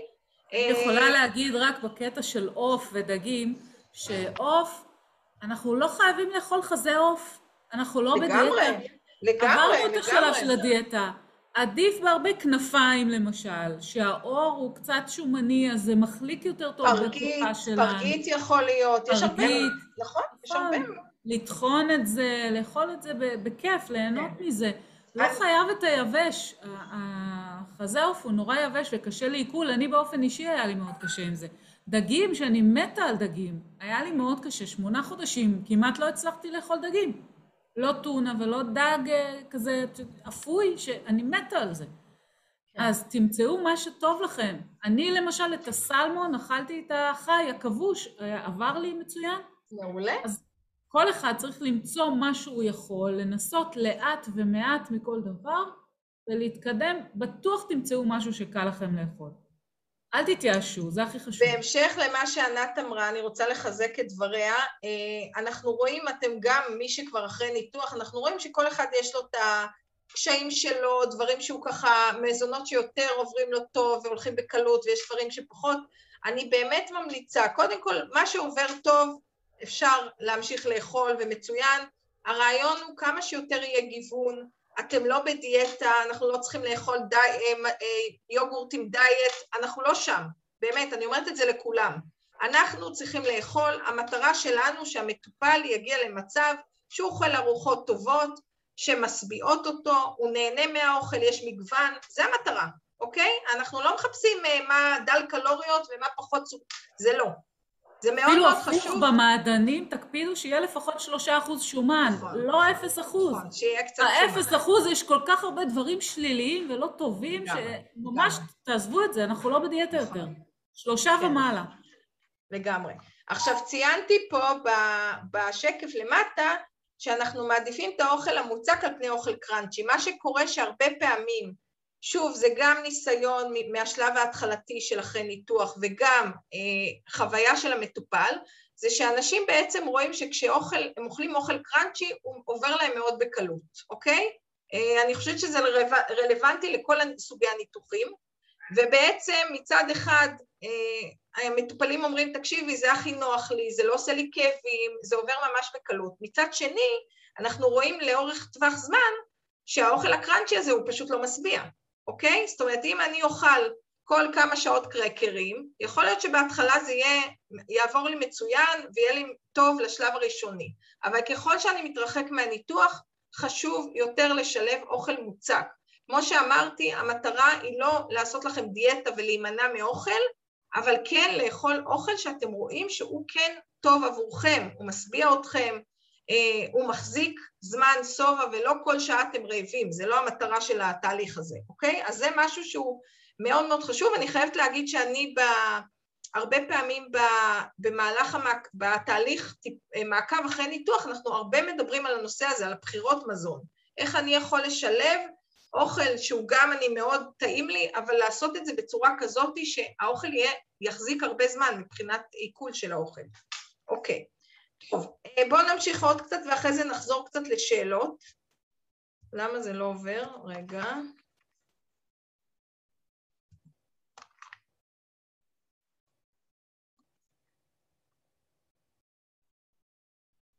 רגע. אוקיי. Uh, עכשיו אנחנו, ב... אני רוצה לדבר על הנושא של uh, מעקב בטווח הארוך, זה בעצם ככה, דיברו על טיפים ודברים שככה אני רוצה לתת uh, המלצות, בוא נגיד ככה. אז uh, קודם כל, uh, מה שרשמתי זה מה שהתחלתי איתו את השיחה היום, זה שלהבין שהתהליך שאתם עושים של הניתוח הוא תהליך ארוך טווח, הוא תהליך מאוד מאוד משמעותי. זה לא נגמר בזה שאני עשיתי הכנה ואני הולכת לניתוח ועכשיו ירדתי במשקל. הלוואי, אבל זה לא. להבין שזה תהליך משמעותי של למידה, אה, להבין מה היו המכשולים שהביאו אותי להשמנה ולהטמיע אה, אורח חיים והרגלים חדשים. זה בעצם המטרה שלנו. אנחנו רוצים ללמוד, להתנהל אחרת, להבין מה היו הקשיים שלי לפני ולעשות את זה בצורה אחרת ממה שעשיתי עד עכשיו. אה, אחד הדברים שאנחנו מדברים זה שבעצם כל אחד, הסיבות שלו שהובילו אותו להשמנה. יש כאלה שהייתה אכילה לא נכונה, יש כאלה שהיה איזשהו מצב רגשי, משהו שהיא מתמודדת איתו, כל אחד יודע את הדברים המדויקים שגרמו בעצם בסופו של דבר להשמנה, ואנחנו צריכים לחשוב כל הזמן איך אה, בנושא הרחב, איך אנחנו משפרים את איכות חיינו לא רק בנושא האכילה, כי הרבה פעמים אה, אנשים מספרים שנכון, הם ירדו במשקל, אבל הדברים נשארו, הדברים שהם מתמודדים איתם לא השתנו, ולכן אנחנו צריכים לטפל גם בזה. אה, אה, מה שרשמתי פה שהשנה הראשונה היא שנה קריטית, כי אם אנחנו בשנה הראשונה יורדים במשקל, מתנהלים באמת, אה, לגבי התנהלות כמובן זה תלוי אה, מטופל, אבל יש ירידה משמעותית במשקל, אבל אני לא עשיתי עבודה עצמית עם עצמי, ושיניתי וביססתי הרגלים חדשים, יש הרבה סיכוי שבמהלך הזמן הדברים האלה זה לא יחזיק, אוקיי? אנחנו יכולים, אנחנו יודעים שאחרי בטווח של בין שנה וחצי לשנתיים, יש ספרות שמראה שיכולה להיות איזושהי עלייה קלה במשקל. אם מטופל לא עשה שינוי בהתמודדות שלו, בהתנהלות שלו עם אכילה, הוא מגיע למצב כזה של איזושהי עלייה קלה במשקל, הוא לא יודע להתמודד עם זה, וזה יכול להוביל לעלייה מאוד משמעותית, ולצערנו אפילו ניתוחים חוזרים, שאנחנו רואים לא פעם ולא פעמיים, ולכן אני חושבת שאחד הדברים שאתם צריכים לצאת מפה, זה להבין כל אחד בעצמו מה הוא צריך, מה הליווי שהוא צריך, על מה הוא צריך לעבוד, חוץ מהנושא של הנחיות אחרי ניתוח, זה הרמה הבסיסית. אנחנו צריכים באמת לעשות עבודת עומק. אה, אני חייבת להגיד שאני עובדת, כמו שאמרתי, במכון בריאטרי של מכבי. מכבי, לשמחתי, אני חושבת שיש את זה גם בשאר הקופות, לא בכולם, עושה גם עבודה רגשית עם מטופלים. זאת אומרת, אנחנו נותנים מענה רגשי כי אנחנו מבינים שהבסיס להשמנה הזאת הוא לא רק לא אכלתי טוב או אכלתי קצת יותר מדי, יש כאן איזשהו משהו שצריך לטפל בו, אוקיי? אה, ענת, את רוצה להוסיף משהו בקטע הזה?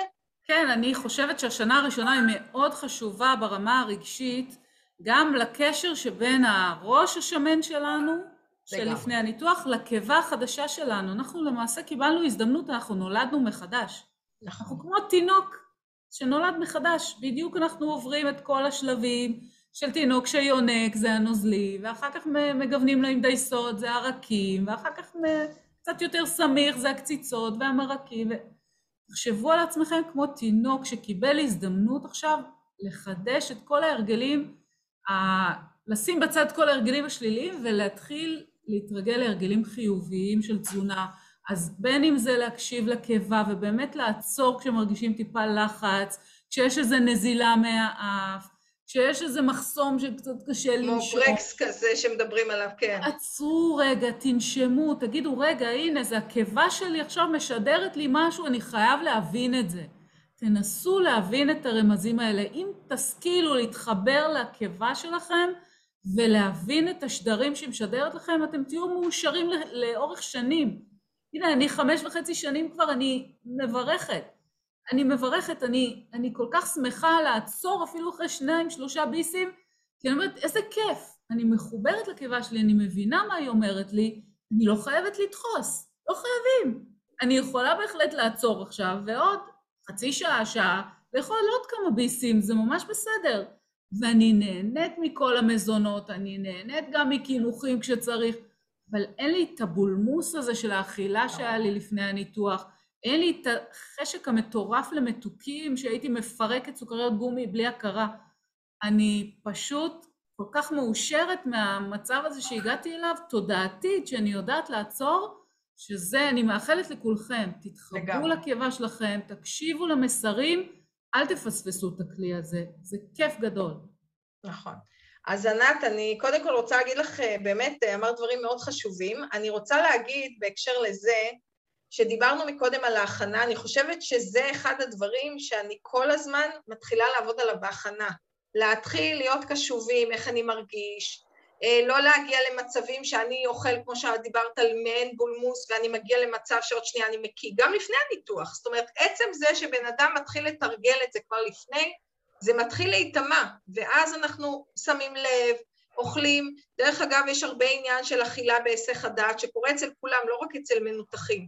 אנשים אוכלים היום מול המסך, מול המיילים, בטלפון, זה משהו שמאוד חשוב, בעיקר לאחרי ניתוח, שאני צריך להיות ממוקד באכילה, אני לא יכולה עכשיו להתעסק בעוד משהו במקביל, זה לא עובד.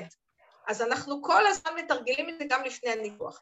עכשיו, דבר נוסף שדיברנו מקודם, הנושא שאנחנו לא רוצים שאתם תרגישו שאתם בדיאטה, זה גם הנושא בעצם, דיברת על מתוקים.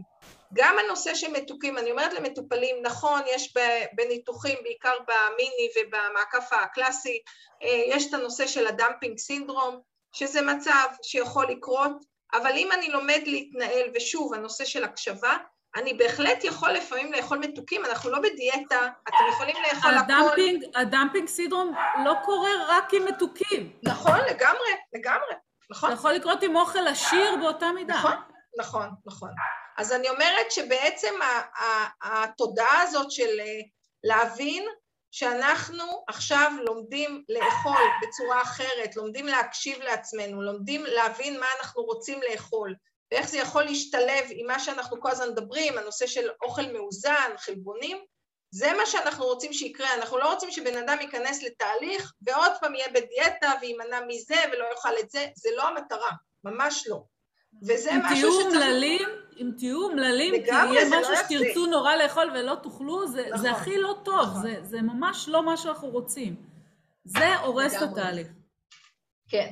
אז בעצם מה שרשמתי פה בשורה התחתונה, זה שהניתוח הוא בעצם כלי עזר, אנחנו מדברים על זה הרבה, אני יודעת שגם בוועדות וגם בהרצאות לפני, אנשים, אנחנו כל הזמן מעבירים את המסר הזה, שהניתוח הוא כלי עזר לזה שתהיה ירידה משמעותית, מה שלא הצלחנו לעשות באמצעות דיאטות אחרות, ולכן פנינו להליך אה, כירורגי. הניתוח עוזר לנו לרדת בצורה משמעותית. זה אין ספק, לזה אתם לא צריכים דיאטנית, זה הניתוח עושה.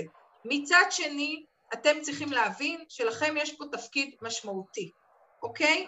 אם אני לא לוקח את השנה הזאת, זה גם ממשיך כמובן בהמשך, אבל השנה הראשונה היא שנה קריטית. אנחנו הרבה פעמים אומרים ב, בין הדיאטניות ששנה ראשונה זה ירח דבש. כולם מרוצים, כולם יורדים, בקיני, הכל מעולה. אבל צריך להבין שיש גם עוד שנים, וככל שאנחנו מתרחקים מהניתוח, לצערנו, ההשפעה שלו פוחתת, ואז זה נשאר תלוי בכם. אם אתם עשיתם עבודה עם עצמכם, התנהלתם אחרת, אמרתם עכשיו אני מתחיל מההתחלה, אני לומד לאכול, אני לומד להקשיב, זה השנה שתהיה הכי משמעותית עבורכם ותעשה שינוי. אבל אם בן אדם, אני חייבת להגיד שאני רואה גם במסגרת מכבי וגם בפרטי המון המון מטופלים, אני, יש לי הרבה מטופלים, ולצערי אני רואה לא מעט, אה, יצא לי לפני יומיים במרפאה לראות אה, כמה מטופלות אה, שבאמת מודות שלא עשו שינוי, אמנם הם בשנה הראשונה, ירדו לא רע, הכל מעולה, אבל לא עשו שינוי, ההתנהלות די דומה למה שהיה לפני, והיא לא משהו. אבל אני אומרת, הרבה פעמים, אני קודם כל מברכת כל אחד ואחד שמגיע למעקב. גם אם מטופל מבין שהוא לא מתנהל נכון, אבל הוא החליט לפנות למעקב, זה כבר מצוין. כי יש כאלה שלא פונים למעקב, וזה הקושי הגדול.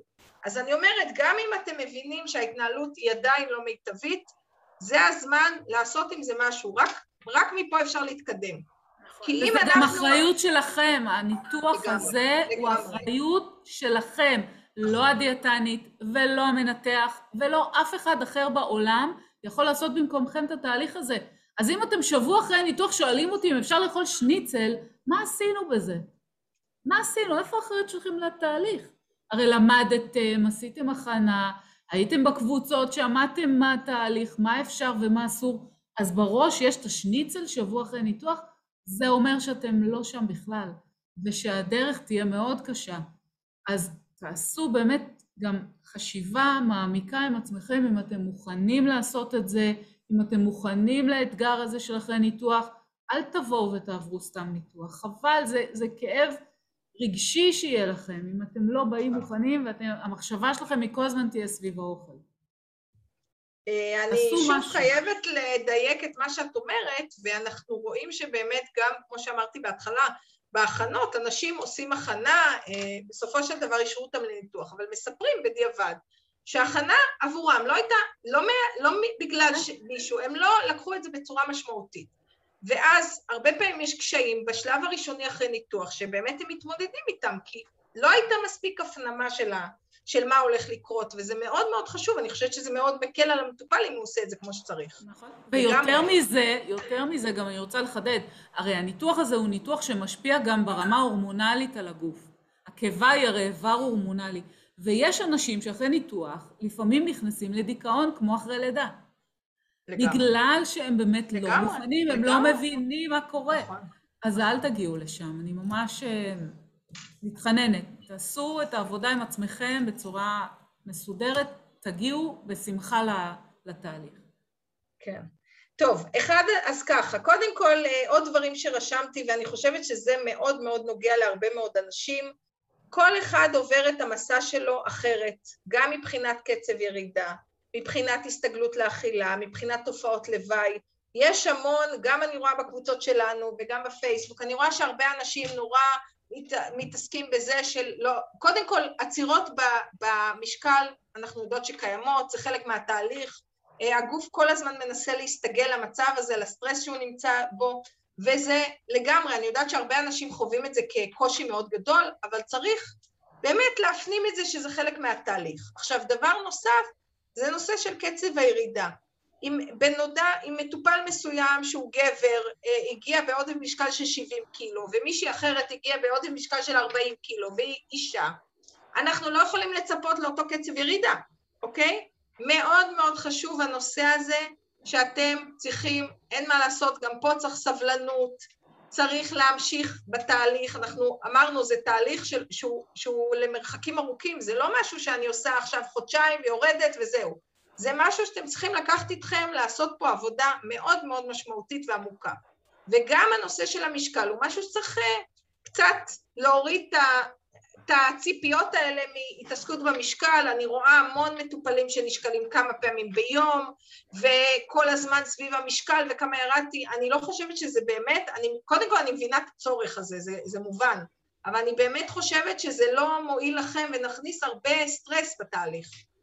אה, ענת, את רוצה להוסיף על זה משהו? אה, לא, אני חושבת שאמרנו אמרנו כל מה שאפשר להגיד, אני חושבת אוקיי. שביחד okay. נתנו באמת פה תמונה מלאה okay. של אוקיי. התהליך ואיך מתמודדים. עכשיו... בואי נעבור uh... קצת אולי לשאלות שיש לנו בצ'אט. אוקיי, okay, בסדר, אין בעיה. טוב, רגע, אז אני אעשה... סטופ שם. אוקיי, טוב, בואי נראה, יש את... טוב, טובית, את פה? כן, אני כאן. אוקיי. אני פשוט הייתי באזור בלי קליטה, ולא יכולתי כל כך לדבר. אוקיי, טוב, אז את רשמת שהשלושה וחצי שבועות, כמעט חודש אחרי ניתוח, אה, האם, זה, האם זה בסדר שעדיין קשה לי לשתות, וגם אחרי ביסים שבעה מאוד. אה, זה לגמרי מתאים לשלב הזה, אה, השתייה להרבה מאוד מטופלים אה, לא קלה, וגם הנושא ש... חזרתי עכשיו מעירוי אגב. אה, באמת? וואו. כן. אוקיי, חייבת למצוא משהו שיעבור... חייבת. וואי, זה מה זה מטריד אותי. אפילו מרק, אפילו תה, זה, זה... כל דבר שיש בו נוזל זה... אני עדיין, אני עדיין עם רך, אני בקושי, בקושי אה, אוכלת אה, דבר, אה, לחם בכלל לא, צנימים רק לא, פתית. אבל, אבל תקשיבי, זה רלוונטי, שלושה וחצי שבועות, זה בסדר, זה לא... את לא אמורה להתקדם מעבר לזה עוד הרבה. כן. שלושה וחצי שבוע, כן. את, תראי, זה שבוע ראשון נוזלים, שבוע שני טחון, ושבוע שלישי ורביעי זה רך. זה בסדר, כן. את, את נמצאת שם, זה בסדר. אבל uh, תראי, מה שאת מספרת... זה בסדר שאחרי ארבע ביסים אני כבר ממש טובעת, אני ממש לא יכולה להמשיך. בהרבה מקרים כן, כן, כן. תרארי, את צריכה לעשות... אני יכולה להגיד לך גם על עצמי שאני כמעט שלושה חודשים אחרי, לא מסיימת קציצה כזאת קטנה ואני שבעה, זה כן. הגיוני וזה בסדר. ובגלל זה אנחנו גם רעבים כל שעתיים. לגמרי, נכון. זה גם תלוי אה, כמה לועסים, וכמה אוויר אתם בולעות. כמה אוויר אה. אתם בולעות בתהליך, כי לפעמים בולעים אוויר וזה מנפח את הקיבה ואתם מרגישות פה, והאוויר רוצה לעלות, האוכל רוצה לרדת, ומתחילים להרגיש גועל נפש, ומאבדים את כל החשק לאכול. אז חשוב ללמוד גם לאכול.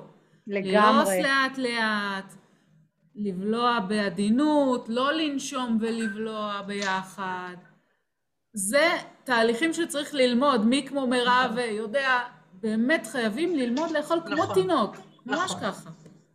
אה, אני גם חושבת שכל הנושא של באמת לעיסה וגם אה, הנושא של כמה אני באמת עסוק עכשיו באכילה, כי כמו שאמרתי, הרבה פעמים יש הסחות ואז אתם לא מצליחים לאכול הרבה, זה גם מאוד קשור לעניין. זאת אומרת, עצם זה שאני עכשיו יושבת, מקדישה לזה זמן, כמה זמן שזה לוקח, קצר או קצת יותר ארוך, אבל באמת רק נטו אוכלת. מאוד חשוב הסיפור הזה, בעיקר בשלבים האלה. גם השתייה, לא, דרך אני, אגב. אני נטו אוכלת ואני מתרכזת באוכל. יופי. מצוין. שתייה, שתייה, יש לי טיפ לך ולכל האחרים. לקחת קש, לקצר אותו כמעט לגובה של הכוס. בסדר? שהוא לא יהיה ארוך, שיהיה כמעט בגובה של הכוס ולשתות okay. אוקיי. עם קש קצר. במצב הזה לא בולעים אוויר. מושכים את המים אבל לא נכנס אוויר. ואז את שותה והקיבה יותר רגועה. אפשר לשתות גם נוזל חם עם הקש דרך אגב. תנסי לתרגל את זה, תנסי לשתות משהו חם לפני האוכל. זה מרכך את הקיבה, זה מרגיע אותה ומאפשר לך אכילה הרבה יותר טובה, הרבה יותר איכותית. תנסי את זה, אולי זה יעזור. טובית, עוד משהו שחשבתי עליו, יש לי שאלה. רגע, שנייה. סתיו, תני לנו רגע. מה שחשבתי עליו בהקשר לשתייה, שאת אומרת שאת לא מצליחה לשתות, זה אולי מה שדיברנו מקודם עם האבקות חלבון, שאולי אפשר לעשות כמו, לקחת כמו שייק קר כזה עם אבקת חלבון, שגם יש בזה חלבון, וגם אפשר לשים שם מים או קרח, ואז אולי זה יהיה קצת טעם שונה, אולי זה יעודד אותך קצת גם את זה לשתות. צריך באמת לחשוב איך... שלא תטעו, לפני הניתוח הייתי שותה גלונים, זה שלוש ליטר ביום, וזה כל כך חסר לי, וזה ממש מבאס אותי. כן, כן. זה עניין של תרגול, לזה. הקטע של השתייה, והגרפסים זה גם תהליך טבעי? זה בגלל שאת שותה מהר ואת מכניסה אוויר. כן, אוויר, נכון, זה קשור גם לעניין של האוויר. כן. זאת אומרת, אבל הכל תקין, זה, זה לא אומר חלילה... לגמרי, לגמרי, זה נשמע תקין לגמרי, כן. זה רק עניין של תרגול וסיגול הרגלים חדשים של אכילה ושתייה, זה הכל. כן. זה יעבור. ועוד שאלה קטנה, זה בסדר כן. שאני מרגישה ממש את האוכל יורד לי? כאילו, אני מרגישה את זה ממש בקיבה, מין סוג כן. כזה של תחושה לא כל כך נעימה, האמת. כן. זה חלק בראש וחלק במציאות. תנסי להתעלם, זה, זה, זה פחדים של אחרי ניתוח. זה למידה של חדה, אכילה חדש, כן, כן. חדשה כבר. לגמרי, לגמרי. בהצלחה. בסדר, חוץ מזה אני מרוצה מאוד. תודה רבה. יופי, תודה. מעולה. טוב, מי, סתיו רצתה לשאול. כן, אה, בקשר למים לפני ארוחה ואחרי ארוחה, אה, הדיאטנית שלי כל הזמן מקפידה איתי אה, רבע שעה לפני ארוחה לשתות, נכון, נכון. חצי שעה אחרי ארוחה. כן. אה, אני לא באמת, כאילו, ברור שזה לא קורה בכוונה, אבל נגיד אני אוכלת ארוחה, אני כן מקפידה לחכות לפחות כמה דקות ואז לאכול. לא ישר אחרי הארוחה או לא בזמן הארוחה. אני רוצה לדעת אם זה משהו שהוא מרחיב את הקיבה לגבי המים והאוכל. בו זמנית. תראי, אני, אני כן מקפידה על, עם מטופלים על הנושא הזה של ההפרדה.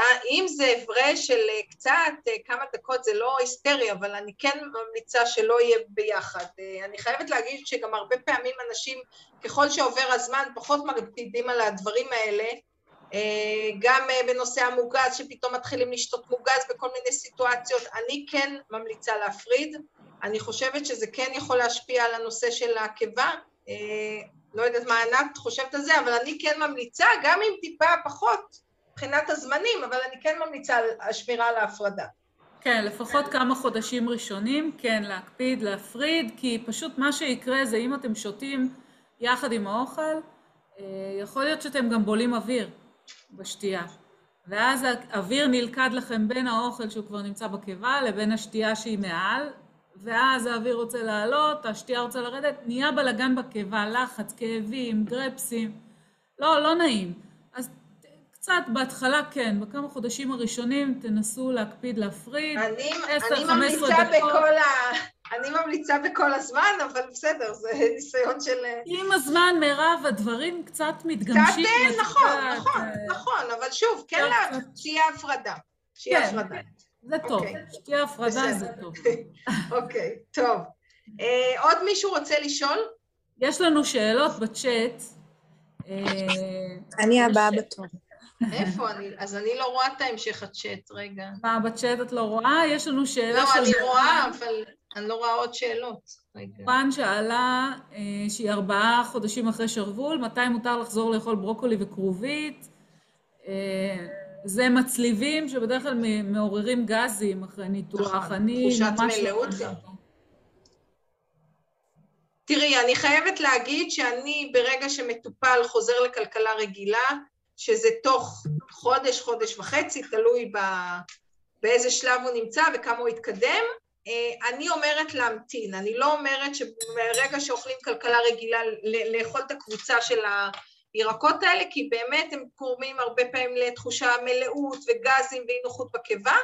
אה, אני חייבת להגיד שאני כן ממליצה אחרי כמה שבועות לנסות באופן הדרגתי. יש מטופלים שמראש באופן עצמאי אומרים לי, תקשיבי, ניסיתי כרוב, זה היה בסדר, אבל אני אומרת להם, לא בבת אחת, מאוד מאוד הדרגתי, מינון קטן, ולראות איך זה עובד. אני חושבת שאם לא רוצים שיגרשו אתכם מהבית, או מהסביבה המיידית, אף אחד לא יתקרב אליכם, אה, כי בשירותים זה ממש ניכר, אז אה, תחכו לפחות חצי שנה. אני לא ממליצה. לא כרוב, לא כרובית, לא ברוקולי, לא... וואו, אה, חצי שנה זה המון. אוקיי. אני, מהניסיון שלי, כן? כל אחד זה, את יודעת, כל אחד לגוף. לא, לגמרי, תראו, גם אבל... אותו סיפור עם, ה... עם הקטניות. אני אכלתי אחרי חודש כרובית והיה לי מעולה. כן?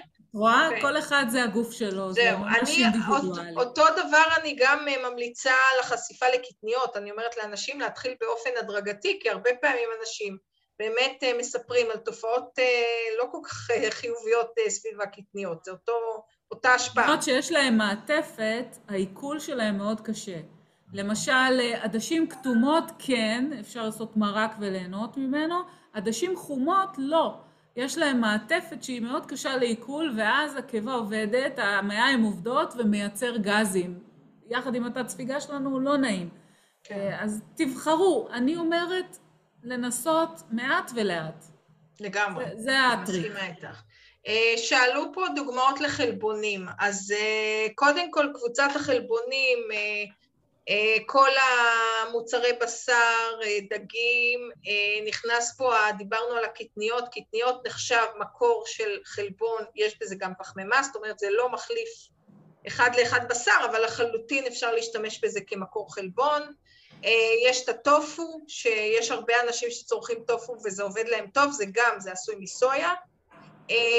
קבוצת החלבונים זה גם ביצים, כל המוצרי חלב, אה, אני חושבת שיש מגוון די גדול, שוב, כמובן כל אחד לפי העדפות אה, שלו, אבל אה, יש היום את המוצרי יוגורטים מועשרים בחלבון, שזה אופציה לשלב גם כמקור חלבון, או יוגורטים רגילים, שוב, תלוי. אני יודעת שיש הרבה קושי. גם מקור טוב לסידן, גם מקור טוב נכון, לסידן. נכון, אבל אני יודעת שעם היוגורטים... היוגורטים המועשרים, אה, יש הרבה אנשים שזה כבד להם, אז ככה שזה לא תמיד הפתרון, אבל אפשר לנסות. אה, יש פה שאלה לגבי בלוטת תריס. כן. לפני ניתוח גילו לי תת פעילות של בלוטת תריס, מאז עליתי תשעה קילו והבנתי שתת פעילות תורמת לעלייה במשקל, האם זה יכול לגרום לסירוב לניתוח? אה, תראי, אחד הדברים בדרך כלל כשיש איזושהי בעיה עם בלוטת התריס זה שצריך אה, להגיע לאיזון. זה כמו מחלות אחרות שיש אה, איזון סוכרת, או כמו שאמרתי, חוסרים כלשהו. אה, לרוב בוועדה, אם רואים שיש לך תת פעילות, אז בהחלט הם יבקשו לראות בדיקות דם ולראות שאת מקבלת מינון מתאים ואת מאוזנת. לצורך זה צריך לפנות או לרופא משפחה או לאנדוקרינולוג ולראות שאת מטופלת והגעת לאיזשהו איזון. אני נותנת כדורים כרגע. כן, אבל שוב, צריך לראות שה-TSH, יש אה, אה, בדיקות... TSH, T3 ו-T4. ו-T4, כן. צריך לראות שהם מאוזנים. אה, יכול להיות שהם יבדקו לתקופה, כי הרבה פעמים נורא קשה להגיע בהתחלה לאיזון. צריך לראות שאת מאוזנת. דרך אגב, אני חייבת לחדד פה, מירב, לגבי האיזון של בלוטת תריס, מכיוון שגם אני עם בלוטת תריס ואני עוקבת על זה מאוד מקרוב. שימו לב, יש תוספים מולטי ויטמינים שלוקחים לפני ניתוח, שיש בהם המון המון יוד. הם מכילים 150 מיקרוגרם של יוד, נכון. שזה... בתרופות של האיזון של הבלוטה יש יוד בעיקר. אז מה שקורה זה שאתם מקבלים גם תרופה לאיזון, וגם אתם מקבלים את היוד בתוספים, ואז זה גורם לחוסר איזון. אז נכון. תשימו לב טוב ותהיו מודעים. צריך לראות, מי שיש לו את הבעיה הזאת צריך לבדוק, נכון, צודקת. כן, אה, אוקיי. אה, טוב, רשמו פה, רגע, מתי מותר פירות? אה, פירות בעיקרון אה, נכנסים או בשלב הטחון, אפשר להתחיל בהדרגה קצת פרי טחון, אה, אפשר גם גרבר, אני בדרך כלל אומרת לעשות את זה או על בסיס יוגורט או על חלב שיהיה מקור חלבון. בשלב של כלכלה רכה, שזה שלב אחרי הטחון, אפשר כמה פירות, יש פירות שהם רכים בלי קליפה, אפשר בהחלט להתחיל לשלב. אה, ובשלב כלכלה רגילה אנחנו מתחילים לשלב עוד ועוד פירות. אז ככה שזה נכנס כבר בשלב די התחלתי. אוקיי? יש לי שאלה. תחדדי לגבי מה אסור בפירות, כי הרבה מתבלבלים כן, בין אוקיי, התפוז אה, לציפה שלו. לגמרי. אה, יש הנחיות שיש להימנע לחלוטין באופן גורף מאפרסמון ומציפת פירות הדר. ציפת פירות הדר זה החלק שמפריד כל פלח, המעטפת שלו. אה, יש להימנע לחלוטין. עכשיו, אני חייבת להגיד שזה לא קשור, זה נכון שבהתחלה לאחר ניתוח אנחנו קצת יותר מוגבלים מבחינת אכילה, אבל זה, זה גורף לכל התקופות. יש לי הרבה מטופלים ששואלים אותי אחרי שנתיים, עכשיו אני יכול לאכול? המלצה להימנע לחלוטין, אוקיי? אמ, כן, שירה, רצית לשאול שאלה. ו... מנגו. מנגו בעיקרון זה פרי שהוא סיבי, אפשר, זה לא נכנס באלה שאסור לאכול, אנחנו ממליצים לאכול בכמות לא מאוד גדולה, ללעוס טוב, בעיקרון אפשר, פשוט צריך לדעת שצריך לאכול את זה בצורה, איך אני אגיד את זה, בצורה מאוד קשובה ולא בכמויות מאוד מאוד גדולות. אני אגיד את זה מאוד פשוט, סיבים שווה גזים. תעשו מה שאתם רוצים. גם, כן, לגמרי. אני רק יש לי שאלה לגבי הוויטמינים. אה, לגבי הבלוטות התריס, אם יראו עלייה במשקל, כמו שעליתי בעקבות התת פעילות, זה משהו שיהווה בעיה לאישור הניתוח? שאלה באיזה שלב? את כבר עשית הכנה עם דיאטנית? עשיתי הכל, עברתי גם את הוועדה, אני בקופת חולים לאומית, אה, בעיקרון כן. דוקטור ניר ברק אישר לי, אבל כמו שאמרת הוא רוצה לראות שהבלוטה מאוזנת ורק לאחר מכן יהיה אישור סופי, אבל uh, מדאיג אותי רק העלייה במשקל, שלא יחזירו אותי לדיאטנית. אז בואי תראי אחריות על עצמך ותעשי תהליך ותשמרי על המשקל, זה אחריות שלך. כן. קודם כל הייתי מנסה, את יודעת, איכשהו לשמר, אה, שלא, גם אם תהיה עלייה קלה, אבל לא תהיה עלייה משמעותית. דבר שני, אה, הרבה פעמים, יכול להיות שהוא יבקש, אבל הוא מבקש לראות רק את הבדיקות. כמובן, אם תעלי בצורה משמעותית, הוא כן אה, עשוי לבקש להמשיך מפגשים. הייתי מנסה לשמור על איכשהו על המשקל, אני יודעת שזה קצת קושי עם נושא בלוטת תריס, בגלל זה אמרתי לך שאת צריכה להגיע לאיזון, אבל... אבל אה, כן, צריך לנסות אה, איכשהו לשמר את הירידה במשקל אה, גם בתקופה הזאת. אוקיי, okay. מישהו טוב. רוצה לשאול לגבי ויטמינים? יש לי שאלה. כן. כן. לגבי בדיקות דם וויטמינים, כן. לח... כאילו כמה זמן אני צריכה להשיג את הוויטמינים לפני שאני אעשה את הבדיקות דם? שבוע. כן, אנחנו שבוע? ממליצים בין חמישה ימים לשבוע, כן. כאילו אני... כי ויטמיני B... ויטמיני B נמצאים זמינים מאוד בדם, וברגע שלא מפסיקים ולא מנקים את המערכת שבוע לפחות, התוצאות, המדדים יוצאים כן. לא תקינים. הם לא אה, אמיתיים, אוקיי, בואו נגיד ככה. בסדר? כדי לקבל תוצאות אמת של המדדים האמיתיים, כדאי לנקות את המערכת, ואז אנחנו מקבלים מצב אמיתי, ואז הדיאטנית יש לה כלים יותר טובים להגיד לכם מה, מה המצב ומה כדאי לתגבר, או מה... גם אם אני חודשיים אחרי? אז לא עושים בדיקות דם אחרי חודשיים, כן, עושים אחרי זהו, שלושה המלצה, חודשים. אז זה מה שרציתי להגיד, ההמלצה מבחינת השנה הראשונה זה אחרי שלושה חודשים מהניתוח בדיקות ראשונות, אחרי זה אחרי חצי שנה, והשלב הבא זה אחרי שנה מהניתוח. זאת אומרת, יש שלושה, שלושה וחצי שנה, ואז בשנה השנייה כל חצי שנה. עכשיו, מי שעשה ניתוחי אה, תת ספיגה, שזה מעקף או מיני מעקף או סאדי, מי ש...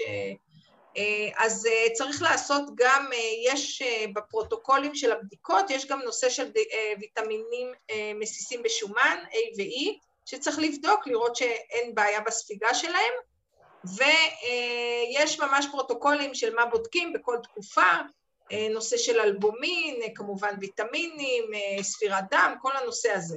אז יש ממש, צריך להקפיד על זה, כמובן בשנה הראשונה, אבל גם כל שנה לפי הרוטינה. בדרך כלל את רשימת הבדיקות יש בקופות, באתרים של הקופות, אם נכון. נכנסים לדף של הבריאטריה, אז אמור להיות שם הרשימה של הבדיקות, והאחריות היא שלכם שאתם... וכמובן הפניה של הרופא, או דיאטנית, כן, לגמרי. כשאתם מגיעים לרופא אחרי הניתוח ואתם רוצים לבקש את הבדיקות, זו אחריות שלכם לוודא שהוא נתן לכם את כל הבדיקות, כי הרופא משפחה לא תמיד יודע איזה בדיקות לתת נכון. לכם. נכון. Okay? אוקיי? וגם הדיאטניות לא כולן כמו מירב, בריאטריות ויודעות מה צריך. אז האחריות היא שלכם לוודא, נתת לי B12, נתת לי D, נתת לי ברזל, פריטין, את כל הדברים האלה, ממש קחו את האחריות על הבריאות שלכם, אל תיתנו את האחריות לרופא או לדיאטנית, תהיו עם האצבע על הדופק תמיד. כן. יש לי שתי שאלות, אפשר? כן, כן, בטח. היי שושי. אה, היי, אה, קודם כל אני שמונה חודשים אחרי הניתוח. איזה ניתוח עשית? אה, מיני, אבל הירידות שלי ממש, נמוכ... ממש נמוכות, אני לא יודעת איך כאילו לזרז את זה. האמת שספורט עדיין לא התחלתי. שתייה, אני יכולה להגיע לליטר וחצי, לא יותר, ביום, של מים. ליטר וחצי זה לא רע, כן, זה בסדר גמור, כן. אוקיי. רגע, תגידי לנו רגע, כדי שנוכל לענות לך מאיזה משקל התחלת, כמה ירדת. כן, בדיוק, כמה הייתה הירידה. אה, ירדתי 24 קילו, התחלתי ב-106. עכשיו אני 82. זה מצוין? זה ירידה יפה? שמונה חודשים. זה ירידה יפה, ובת כמה את? 57. זה ירידה נהדרת. כן, זה לא... ממש ירידה נהדרת, והתהליך שלך יכול להימשך גם שנתיים. לגמרי, הוא לא חייב להסתיים בשנה ראשונה, לגמרי. תגידי, את, אה, אבל מה, איך את מבחינת התנהלות בגדול? מה... מה, האוכל? כן. אמ, אני משתדלת באמת להתחיל עם החלבונים כל ארוחה. אני מהר מאוד אה, שובעת, כמו כולם. כן. אבל אה, להגיד לך שאני אוכלת כל שעתיים וזה לא. לא, תראי, גם אה, את כבר בטווח קצת יותר רחוק מהניתוח, זה כן. בסדר, אנחנו לא מצפים שבשלב כזה יהיה אכילה כל שעתיים, אבל, אבל יש איזשהו סדר, יש איזשהו תכנון סביב הנושא כן. של אכילה? כן. אוקיי. את במעקב? אני במעקב של דיאטנית כאן, כן, פעם בחודש. כן, יופי. תראי, אה, בסך הכל אני נשקלת אצלה, זה לא שהיא יותר, את עכשיו ממש אה, שינית לי למה? אבל היא לא נותנת לך איזה שהם דגשים, דברים לעבוד עליהם כל פעם, כאילו שאתם צריכים ככה לדייק. לא, את לא, לא מרגישה? לא, אפילו התפלאתי שאמרת שמותר מעדנים uh, יותר uh, משלושה אחוזים, כי היא כל הזמן אמרה לי, את האפס אחוז עם החלבון של העשר, כי את יודעת... די, וואו, את, את רואה, כן. זה, זה משהו שהוא אה, הבדלי גישות, והרבה פעמים, שוב, אנחנו נתקלים בזה, ש... ממשיכים לעשות דיאטות, אנחנו, אני לא רוצה שתהיה... זה גם יכול לפגוע בתהליך, זה אפילו יכול להגיע לרמה של עצירה בירידה, כי הגוף לא מקבל את המעט שומן שצריך. נכון, נכון, לגמרי. אז זהו, אה, בקטע הזה ממש שיניתם לי אה, מקצה לקצה. אבל תראי, אני חושבת שבאמת אה, זכותך לגמרי לחשוב על אופציה של אולי, אני לא יודעת אם היא תפליז, כן, אולי דיאטאית בריאטרית שהיא יותר מבינה בתחום, אני לא יודעת, לא מכירה את ה... אז היא בריאטרית, היא בריאטרית, אוקיי. התחלתי איתה מלפני. טוב, לא נורא, אבל... איפה את גרה? איפה את גרה? בקריית ביאליק. אה, בצפון. אוקיי. כן. יש הרבה דיאטניות מצוינות בצפון. לדעתי שווה לבדוק, לעבור לדיאטנית אחרת, ולו רק כדי לרענן את התהליך שלך. לשמוע כן. פתאום דעה של מישהי אחרת. אולי זה יעזור, ויעזור לך, את יודעת... אה, לחדש את התהליך שלך בצורה טובה. אבל הירידה שלך נהדרת. כן, נשמע שסך הכל את עושה עבודה טובה, זה מצוין. תודה, ויש לי רק עוד שאלה אחת, בגלל שיש לנו תת ספיגה, השאלה אם גם לגבי אה, כולסטרול אנחנו לא סופגים אותו, או שהוא כן נשאר הבעייתי. תראי, זה, קודם כל יש הרבה אנשים ש... זה לא אומר שאם את אה, בניתוח תת ספיגה לא יהיה לך כולסטרול, אוקיי? זה לא... כן. יש לך בעיה, יש, קיימת בעיה של כולסטרול? זאת אומרת, היה לך לפני? לא, אני מאוד, אה, מאוד שומרת כל הזמן. יש, את יודעת, בעיה משפחתית, אז אני תמיד... זה, בגלל זה אני שואלת, כן. אה, אנשים או עם רקע לפני או עם רקע משפחתי של כולסטרול, עדיין יכול להיות עלייה ברמות שומנים בדם. הרבה פעמים אנחנו רואים שינויים בעקבות הניתוח, אבל זה לגמרי יכול לחזור. יש לי מטופלים שאחרי תקופה אה, פתאום התחילו טיפול תרופתי בסקטינים, זאת אומרת, זה כן יכול להיות. נכון שיש את בגלל, זה גם קורה בגלל שיש הפרשה מאוד גדולה של שומן לזרם הדם בגלל הירידה במשקל. והכבד צריך לנהל פתאום את כל הדבר הזה. ולפעמים זה מתבטא גם בתוצאות של תפקודי הכבד וגם בתוצאות של הכולסטרול. אז זה אומר ש... שכדאי לא לאכול דברים עתירי כולסטרול. גם לא אחרי... להגזים. לא להגזים. אפשר לאכול, אפשר לאכול אה, מעט, אבל לא, את יודעת, אנחנו רוצים לשמור כן. על איזושהי אכילה, בוא נגיד, אה, מאוזנת נכון. ובריאה, אבל זה לא שאת צריכה לאכול נכון. הכל, אה, כמו שענת אמרה מקודם, רק חזה עוף. את יכולה לא. לשלב, אה, כן. אולי לא דבר, בשרים עתירי שומן, אבל לחלוטין אה, מגוון, ולשלב לא דברים רק דיאט. ופה יש את הכלי הנהדר של הבדיקות דם, שבאמת יש מעקב, ורואים מה נכון. קורה, וכל הזמן עם האצבע על הדופק. אני מאמינה שאחרי שנה זה יתאזן, ותראי כבר מדדים טובים יותר. לא, המדדים בסדר גמור, פשוט פחדתי לפספס את זה. את חוששת, את אומרת, כן. כן, כן. כן. ורק לגבי קלצ'יצ'ו, כי אז שדיברתי עם ענת, אה, כן. כשקניתי את הברימקס, אז אה, זה לוויטמין אה, D, זה בסדר או שצריך ללכת לטיפות? כי אתם דיברתם עכשיו על טיפות. לא, לא. הקלצ'יצ'ו, סידן תמיד יכיל ויטמין D. ויטמין D הוא המוליך של הסידן לתוך העצם. אז תמיד כל תוספי הסידן שם, יהיו כן, עם ויטמין D. כן, יש שם קצת עם ויטמין D. כן, אבל זה לא, זה לא הכמות שהגוף צריך. אז גם בברימקס יש 2,000 ויטמין D, וגם בקלצ'יצ'ו יש אולי 300. בדרך כלל 400, אני חושבת, בדרך כלל 400. אבל אם יש לך חוסר מאוד גדול, אז אנחנו תמיד מתגברים באיזה עשר טיפות של אלף פעם בשבוע. רק כדי לתגבר שלא להגיע לאוסטופורוזיס. להוסיף על זה? רק לא, אם יש לך ערכים נמוכים אה, במדדים. בבדיקות. אם בבדיקות יצא שוויטמין D עדיין נמוך, אז צריך לתסף. כן, צריך לתסף. אחרת בברימקס יש 2,000, שזה ממש בסדר. כן. ממש מספיק. אז, אז אם יש לי חוסר להמשיך אה, ברימקס, קלצ'יצ'ו ועוד טיפות גם. נכון, כן. פעם בשבוע עשר טיפות של אלף. כן. מעולה, תודה רבה. רק שנראה שיפור במדדים בבדיקות דם. תודה, טוב. טוב, אה, בואו נראה עוד שאלות. אה, שירה, אומרים שהניתוח עושה שלשולים ולי יש עצירות מהשבוע השלישי, איך יכולה להיות הסיבה? אמ, איזה ניתוח עשית? את פה, שירה? כן, אני פה. עשיתי מיני מעקב. אוקיי, וזה מאז, לפני כמה זמן עשית? אני חודש, חמש כבר, כמעט חמש. אה, שבועות, חמש שבועות. אה, אוקיי, חודש וקצת, אוקיי, ומבחינת, אה, היה לך גם, מהתחלה יש לך עצירות או שזה עכשיו בשבועות האחרונים? Uh, לא, בשבועיים הראשונים שזה היה בעיקר נוזלים, אז וואלה, אז באמת היה לי שלשונים עוד מהבית חולים, מהאשפוז שהייתי בצום. אבל okay. אוקיי. uh, מאז שהתחלתי לאכול בערך בשבוע השלישי, אז ממש נהיה לי עצירות, ויוצא לי פעם ביום, כמו שאמרתי, ולפעמים בכלל לא. כן, אוקיי. למה את אוכלת? זהו, זה מה שבאתי לשאול, איך התזונה שלך? מה, מה קורה מבחינת אה, התזונה? כמו שהדיאט, קודם כל הדיאטנית לא, לא אמרה לי מה מותר, מה אסור, היא פשוט אמרה לי, תתחילי לאכול בהדרגה. כן. שזה גם קצת הדאיג אותי, כי פתאום בקבוצה הם אומרים כל מיני דברים שאסור לאכול, כמו מנג, מנגו ותירס וכל מיני דברים, לא, לא נגעתי בזה בלי קשר, אבל אוקיי, זאת אומרת לא קיבלת הנחיות יותר מדויקות מה, מה כן ומה לא. לא, אבל אני אוכלת כמו שאכלתי ביצים וקציצות עוף וקצת בשר טחון ואני מתנסה גם עם חלבונים, אם זה ביס פה, ביס שם, קצת לחם, אמ, אכלתי דג. את שותה מספיק? אני, אני מנסה ממש לשתות כמה שיותר, אבל נראה לי שאני לא שותה מספיק. אה, אוקיי. יוצא לי משהו כמו. זה גם יכול להיות... אה, בוודאות את לא שותה כן. מספיק, וזה ששילבת לחם, תוקע לך את כל הסיפור.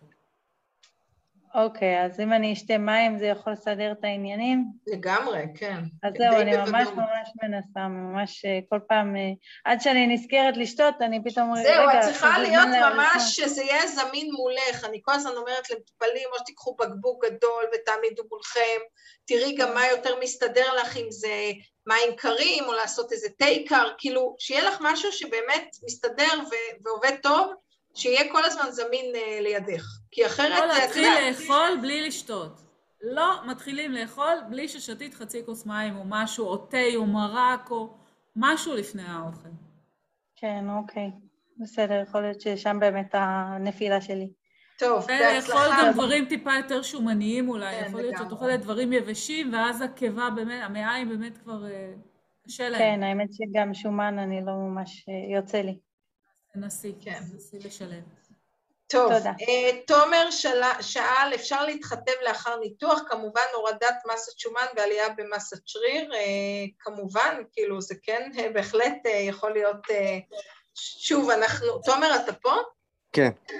אוקיי, okay. uh, אנחנו מאוד, uh, דרך אגב, אחד הדברים שאני מדברת עם מטופלים במעקב זה הנושא של הפעילות גופנית, ואיך לשלב גם פעילות של אימוני כוח, זאת אומרת, איך לשמר מסת שריר, אה, לא לעשות רק פעילות אירובית שבאמת אה, היא חשובה, אבל בחלק מהפעילות לשלב אה, כוח. זה אוקיי. בהחלט יכול להיות משהו שאפשר לשלב. צריך לשלב עם זה אבקות חלבון כדי להגיע למספיק חלבון? אה, שוב, תראה, יש, אה, אני חייבת להגיד שהדעות קצת חלוקות, אה, אני באופן עקרוני, אני יודעת שגם הקולגות שלי בדיאטנית הבריאטרות לרוב לא רצות לתת אבקות חלבון, למרות שכן, בהרבה מקרים אנחנו רואים שמטופל לא מצליח להגיע, להגיע לצריכה המספקת, אז אנחנו כן ניתן, אבל שוב, זה לא, זה לא האופציה הראשונה, לרוב אנחנו קודם מעשירים במזון, אבל אה, כן, יכול להיות. דרך אגב, מה שדיברנו קודם על ההפקות שקיימות אצל ברימקס, זה בהחלט mm-hmm. יכול להשתלב. כי זה okay. גם אוקיי. משהו יותר זמין, אתה יכול לקנות את זה בשקיות אישיות, וזה בהחלט אה, משהו שאפשר. תמיד עדיף חלבון ממזונות, לשלב ולגוון בין סוגי מזונות שונים, סוגי חלבון שונים, שהגוף יצליח לעכל דברים שונים, ואם רואים שלא מגיעים לכמות חלבון, מירב זה בין 60 ל-80 גרם ביום? כן, כן, כן. אז, שוב, אז במקרה שלו אם הוא רוצה לעשות יותר אימונים, יכול להיות שזה קצת יעלה, אבל זה הסטנדרט, כן. זאת הייתה השאלה שלי, אם כאילו, אה, אם אני צריך סתם, אני אומר, 1.5, 1.6 כפול המשקל, אם כן. באמצעות האוכל באמת אפשר להגיע לזה. כאילו, אם לא קשה מדי להגיע לזה. תראה, מניסיון, אה, יש לי הכשרה, אני פחות מתעסקת בזה, יש לי הכשרה בתזונת ספורט, אה, אפשר, זה, זה אוקיי. מצריך הרבה באמת, אה, אתה יודע, איזשהו תפקיד יותר מדויק. כן, ממש. כל היום לאכול חלבונים בכמויות, אוכלים כמה ביצים, אוכלים מנות בשר, השאלה כמה זה מסתדר עם ה, באמת עם הכמויות שאתה יכול לאכול, אבל במידת הצורך מעשירים גם בהפקות חלבון. בקיצור, אני אומרת שהשלב הראשוני זה קודם לנסות מהאוכל. אוקיי. Okay. אה, ואולי שווה להתייעץ גם עם אה, דיאטן שמתעסק גם בספורט, זה באמת... אה, כמה זמן אתה אחרי ניתוח? אני מחכה לוועדה. אה, אז אתה עוד לפני. אני כבר אוקיי. חולם. הבנתי, אוקיי, טוב, יפה. אז אני מציעה... הייתי מציעה שכמובן תהיה במעקב של דיאטנית בריאטרית, אבל אפשר בהמשך ל... כאילו לפנות גם לאיזשהו דיאטן שיותר אה, ספציפי לספורט, ואז אפשר, בדיוק, ואז אפשר לשלב את זה איכשהו. קיצור, אוקיי. תומר, אצלנו יש פתרונות. אם תרצה, יש הכול. סבבה. בהצלחה. תודה. אוקיי, עכשיו יש פה מישהו, לא רשום את השם, שמוציא טבעת ועובר מיני מעקב ביום שישי אצל חסן כיס. איזה טיפ יש לכם בשבילי? קודם כל תירגע. והמון בהצלחה שיהיה. כן, לגמרי. אה, שוב, אה, תקופת הסתגלות אחרי ניתוח, אה, כמו שאמרנו בהתחלה, זה באמת להתקדם לפי שלבי הכלכלה, לעשות, כמובן להיות מאוד קשובים, קשוב לגוף מבחינת מה אני מסתדר לי, מה פחות מסתדר מבחינת האוכל, וזהו. אני חושבת שבגדול החודש הראשון הוא די כזה איזושהי הסתגלות וככה התקדמות אה, באמת לפי הנחיות שניתנות, בהמשך זה קצת, אה, קצת התנהלות קצת יותר אה, ככה אחרת. אני יכולה להגיד מניסיון של מי שהייתה לה טבעת והוציאה ועברה למיני, שזה חיים אחרים לגמרי. אתה, לדעתי תהיה לך תקופה של התפעמות והתפעלות גדולה מהשוני של ההתנהלות אחרי מיני מעקף לעומת הטבעת. אתה תצטרך להשתחרר קצת מהפחדים של הטבעת, של הבליעה הקשה ושל ההקאות ושל התחושות לחץ, אבל באמת תעשה את התהליך מאוד מדוד ומאוד מסודר, אל תמהר לשום מקום, תלך באמת לפי השלבים, זה מאוד חשוב כי הקיבה שלך כבר עברה טראומה של, הטבעת. נכון. אז באמת אל תמהר לשום מקום, כי מאוד בקלות אפשר לגרום לבצקת, בהשקה ובקיבה עצמה, אז ממש באופן אישי אני ממליצה לאט לאט, עם המון סבלנות, תהיה באמת ככה מסור לתהליך ואתה תראה שהחיים שלך רק ילכו וישתפרו עם הניתוח הזה. לגמרי. טוב, אה, קירה, את נמצאת פה? כן, אה, טוב, אנחנו נסיים? יש כמה שאלות שדילגנו עליהן קודם. רגע, אני... אני, אני פה ענתי, כמובן שאני פה, לא אפספס אותך. היי, אוקיי. טוב, עכשיו אם את רוצה לענות בינתיים על הנושא של הבלוטת תריס, אני אחפש את השאלות שפספסנו. אוקיי, טוב, אז כן. קירה, תספרי בקצרה, יש לך בעיה בבלוטת תריס? כן, יש לי תת פעילות בלוטת התריס עם מינון די גבוה של כדור. אוקיי, את לפני או אחרי? אני אחרי שנתיים פלוס, כמעט שלוש. אוקיי. ואני נמנעת כבר כל השלוש שנים האלה, חשבתי אם כבר אז כל הקופה, מגלוטן, דברי חלב, מדגנים, קטניות, כביכול מה שמציק לבלוטה, זה מה שקראתי ושמעתי, את יודעת, אין שום דבר בדעה. כן. השאלה היא, אם אולי אני עושה את זה מיותר, אולי תת ספיגה, גם ככה מונעת את הספיגה של מה שלא צריך. Uh, תראי, אני אגיד לך את האמת, אני הייתי ממליצה להתייעץ עם uh, או רופא אנדו או דיאטנית שמבינה בזה, אני מבינה, יש לי איזשהו ידע בנושא, אבל לא מספיק. Uh, יש כאלה? יודעת, כן, כי אני אגיד לך למה, כי הרבה פעמים אומרים שברגע שמטופל מגיע דווקא לאיזון מבחינת הבלוטה, אז כן אפשר לשלב, זאת אומרת, יש איזשהו פרוטוקול טיפולי. אני אוכלת הכל. זהו, זה מה שאני, זה מה שאני ככה חושבת, אבל אני הייתי ממליצה לך להתייעץ, כי אני חושבת שאת נמנעת מהרבה מאוד מזונות שלא בטוח שאת צריכה. כן. יהיה לך יותר מגוון של מזונות שאת יכולה לאכול אם את באמת תוסיפי אותם. אם את, אם את במצב מאוזן, אני הייתי כן, קודם כל שוב, הייתי מתייעצת, אבל אני חושבת שבהחלט שווה לבדוק את זה, כי לדעתי את כן יכולה. את הרי במילא במעקב של בדיקות. אף אחד לא מבין את הנושא באמת. לא נושא בריאטריה ולא נושא בלוטת התריס, אז... מה זאת אומרת? את לא, את לא במעקב? של? מבחינת לאנדוקרינולוג.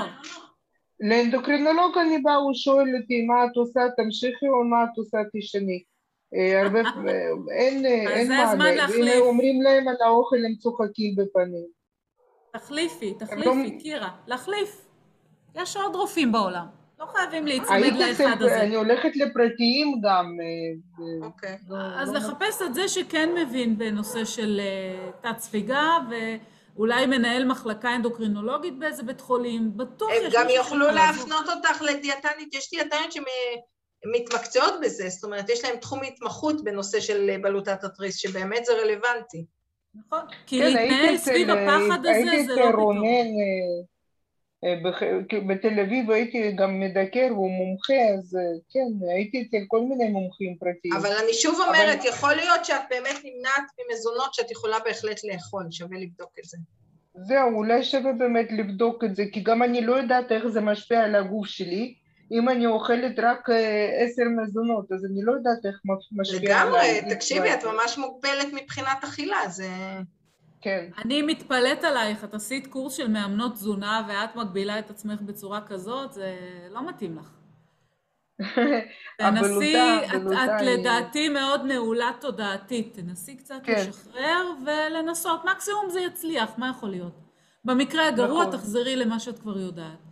לא נורא. כן. הגדרת אותי נכון, אני מאוד... טוב, חינוך סובייטי, לך אני לא צריכה לספר ענת מה זה חינוך רוסי, לא? לחלוטין, לחלוטין. אבל תשתחררי, אני מאמינה שברגע שקצת תנסי וקצת תגווני, אז את תביני יותר טוב מה יכול לעבוד ומה פחות. אל תתנהלי מתוך הפחד. צריך להתנסות, לנהל את התהליך שלו, הוא ינהל אותך. בסדר? תודה. יש לנו פה שאלה מליאור, היא שאלה אם זה בסדר לאכול ביצה שלמה בארוחה. ברור, למה לא? כן. לגמרי. אם את יכולה לאכול ביצה. כן. למה לא? אני חייתי על ביצים, אני אכלתי ביצים רכות כל תחילת התהליך שלי. נכון. אכלתי גם שלוש ביצים ביום. ממש בסדר. מסכימה איתך, כן. אם זה מה שעובר וזה מה שעושה לך טוב, עופי על זה. ביצה רכה, שתדעו לכם, זה החיים. זה עובר טוב, זה משביע, בלי להיות אה, חנוק. ביצה קשה זה הרבה יותר קשה, וחביתה, תדללו אותה ביוגורט או בחלב. כן, אפשר אה, מקושקשת כזה, ואז זה כן. רכה. כן, תערבבו ביוגורט או חלב, זה עושה אותה רכה יותר, ואפשר כן, לנסות בכיף. למה לא? אה, יש כאן עוד שאלה, אשמח להסבר על ויטמינים, איזה שותים, מתי, לפני, אחרי ניתוח. מירב, את רוצה? את רוצה שאני אתן לך את רשות הדיבור? אה, אני אגיד בגדול, ואז ענת תתייחס. אה, אחרי ניתוח, ההמלצה היא אה, לקחת אה, לרוב ויטמינים או בלעיסה או נוזליים, לא לקחת בבליעה. לעומת, יש לנו באופן חריג את הברימקס, שהוא כן מאפשר בליעה כבר מהשלב הראשון. בגדול יש, אני חייבת להגיד, אני לא יודעת פה מי, שוב דיברנו על נושא של דיאטן בריאטריות, לנו יש פרוטוקולים מאוד ברורים לגבי מה המטופל צריך לקחת, איזה מינונים, כמו שאמרתי, בדיקות דם מעקב, אנחנו בדיוק יודעים להגיד כמה מינון של כל דבר. אז יש, אה, כשאתם משתחררים מהבית חולים, נותנים לכם איזושהי הדרכה ראשונית שכוללת גם את הוויטמינים, יש כאלה שבהתחלה נותנים כמה סוגים מכל דבר, נותנים אה, מולטי ויטמין בנפרד, ויטמין D בנפרד, B12 נפרד, סידן בנפרד, ויש אפשרות לקחת אה, ויטמינים כמו הברימקס או הברימיל, שזה ממוקד לבריאטריה. אה, כמו שאמרנו, שלושה חודשים ראשונים ההמלצה היא לקחת לא כדור בבליעה, אה, שוב, פרט לברימקס, אלא אה, או לעיסה או נוזלי, מבחינת הספיגה. אחרי שלושה חודשים אפשר לעבור כבר לכדורים בבליעה, אוקיי? אה, גם. כשעוברים לכדורים בבליעה, אז להקפיד שזה כדורים שמיועדים למנותחים, כי נכון, כדורים נכון. שהם אה, מיוצרים כמו צנטרום, כמו כדורי הברזל, כמו כדורי סידן בבליעה, הם לא מיוצרים למנותחים, הם ענקיים, הם אה, מכילים המון חומרים, זה למעשה, זה דוגמה של הכדורים שבדרך כלל הם, זה הברימיל במקרה, ופה יש לכם את הברימקס, להראות את ההבדל גודל, למי שלא אוקיי. מכיר את ההבדלים, אבל מה שהתחלתי להגיד, שכדורים שמיוצרים לכלל האוכלוסייה, בדרך כלל מכ- מכניסים לתוכם המון חומרים מדביקים, ממצקים, כי תהליכי הפירוק בקיבה רגילה הם ארוכים, יכולים להיות גם כמה שעות. לעומת מנותחים, שהקיבה היא מאוד קטנטונת והכדור עובר ישר למעיים. למעי, אין כמעט כן. תהליך פירוק. נכון. ואז המעי מתחיל להילחם בפירוק הזה, ואם אנחנו מעוקפים, אז זה סיפור מהפטרה, זה כאבי בטן, זה אבל גזים. נקסיום, אבל נקסיום נגיד זה, נו, זה כדור. נקסיום זה תרופה, אני תכף אדבר זה על לא שייך תרופות. לוויטמינים, כן. לא זה קשור. אנחנו מדברים על אוקיי. ויטמינים. ברזל, סידן, מולטי ויטמין, שהם לא מיועדים B12. למנותחים. בסדר? יש אה, תרופות שהן בתבליעה, כמו הנקסיום, כמו אומפרדקס, שהם מיוצרים לפירוק מהיר. ואז ברגע שבולעים אותם, הם מתמוססים מאוד מהר. זו למעשה טכנולוגיה דומה, על, על אותו בסיס פיתחנו את הברימקס. ברגע שבולעים אותו, הוא נמס. הקיבה כבר מקבלת אותו כנוזל, כתמיסה. ואז אין את הבעיה של הפירוק. הספיגה כבר יכולה להתחיל בצורה מאוד מיידית מהקיבה למעי. אין את הבעיה הזאת. הברימיל גם הוא בלעיסה, אז אתם צריכים ללעוס, לפרק את זה, ואז להביא את זה לקיבה. לא תמיד כולם יכולים להחזיק את זה הרבה זמן בפה וללעוס, אז בולעים בחתיכות. תקפידו, אם אתם לוקחים ברימיל, אז ללעוס אותו טוב, ובטח ובטח לא לקחת את הברימיל בבליעה בחודשים הראשונים, תראו, כן, זה הגודל ענק. שלו, זה. ענק, זה פי ארבע מהברימקס. שימו לב, והברימקס הוא בבליעה והוא נמס. גם ברזל, תשימו לב, לא לקחת בבליעה. הוא פשוט לא מתפרק, הוא עושה לכם המון צרות בבטן.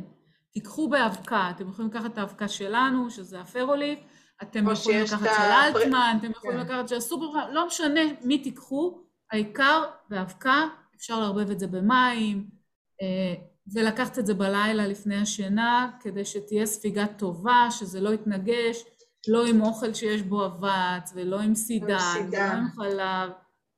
יש משמעות מאוד אה, רצינית למתי לוקחים כל דבר.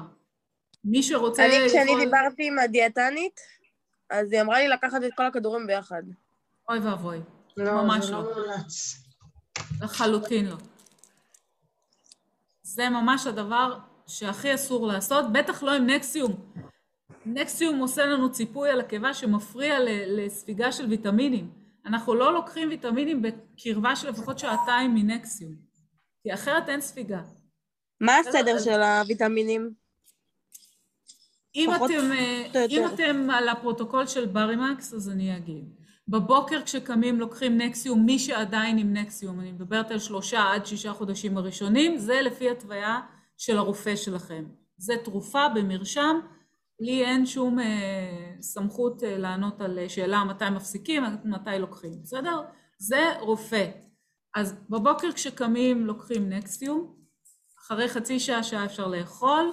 אה, את הברימקס אני מציעה לקחת עם ארוחת הצהריים, זאת אומרת, מכינים את האוכל, 10-15 דקות לפני זה לשתות קצת, לקחת את הברימקס עם כמה לגימות טובות של מים, כי כמו שאמרנו הוא נמס בבליעה, אז אנחנו רוצים שהוא יצליח להגיע עד הקיבה ושמה להימס ולא בדרך, לאכול ארוחת צהריים, בביניים בין הארוחות לקחת את הסוכריית סידן שהיא בלעיסה, לא חייבים למצוץ אותה שעות, תילעסו אותה, תפרקו אותה טוב ותבלעו, לא להתעסק עם זה יותר מדי.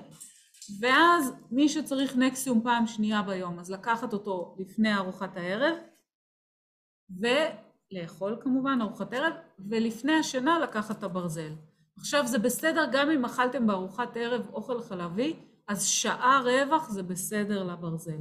אנחנו לא אוכלים והולכים לישון אף פעם, כי זה עלול לגרום לנו ללחץ רקבה ולסוג של הכאה, סוג של רצון להקיא. ואת הוויטמין D?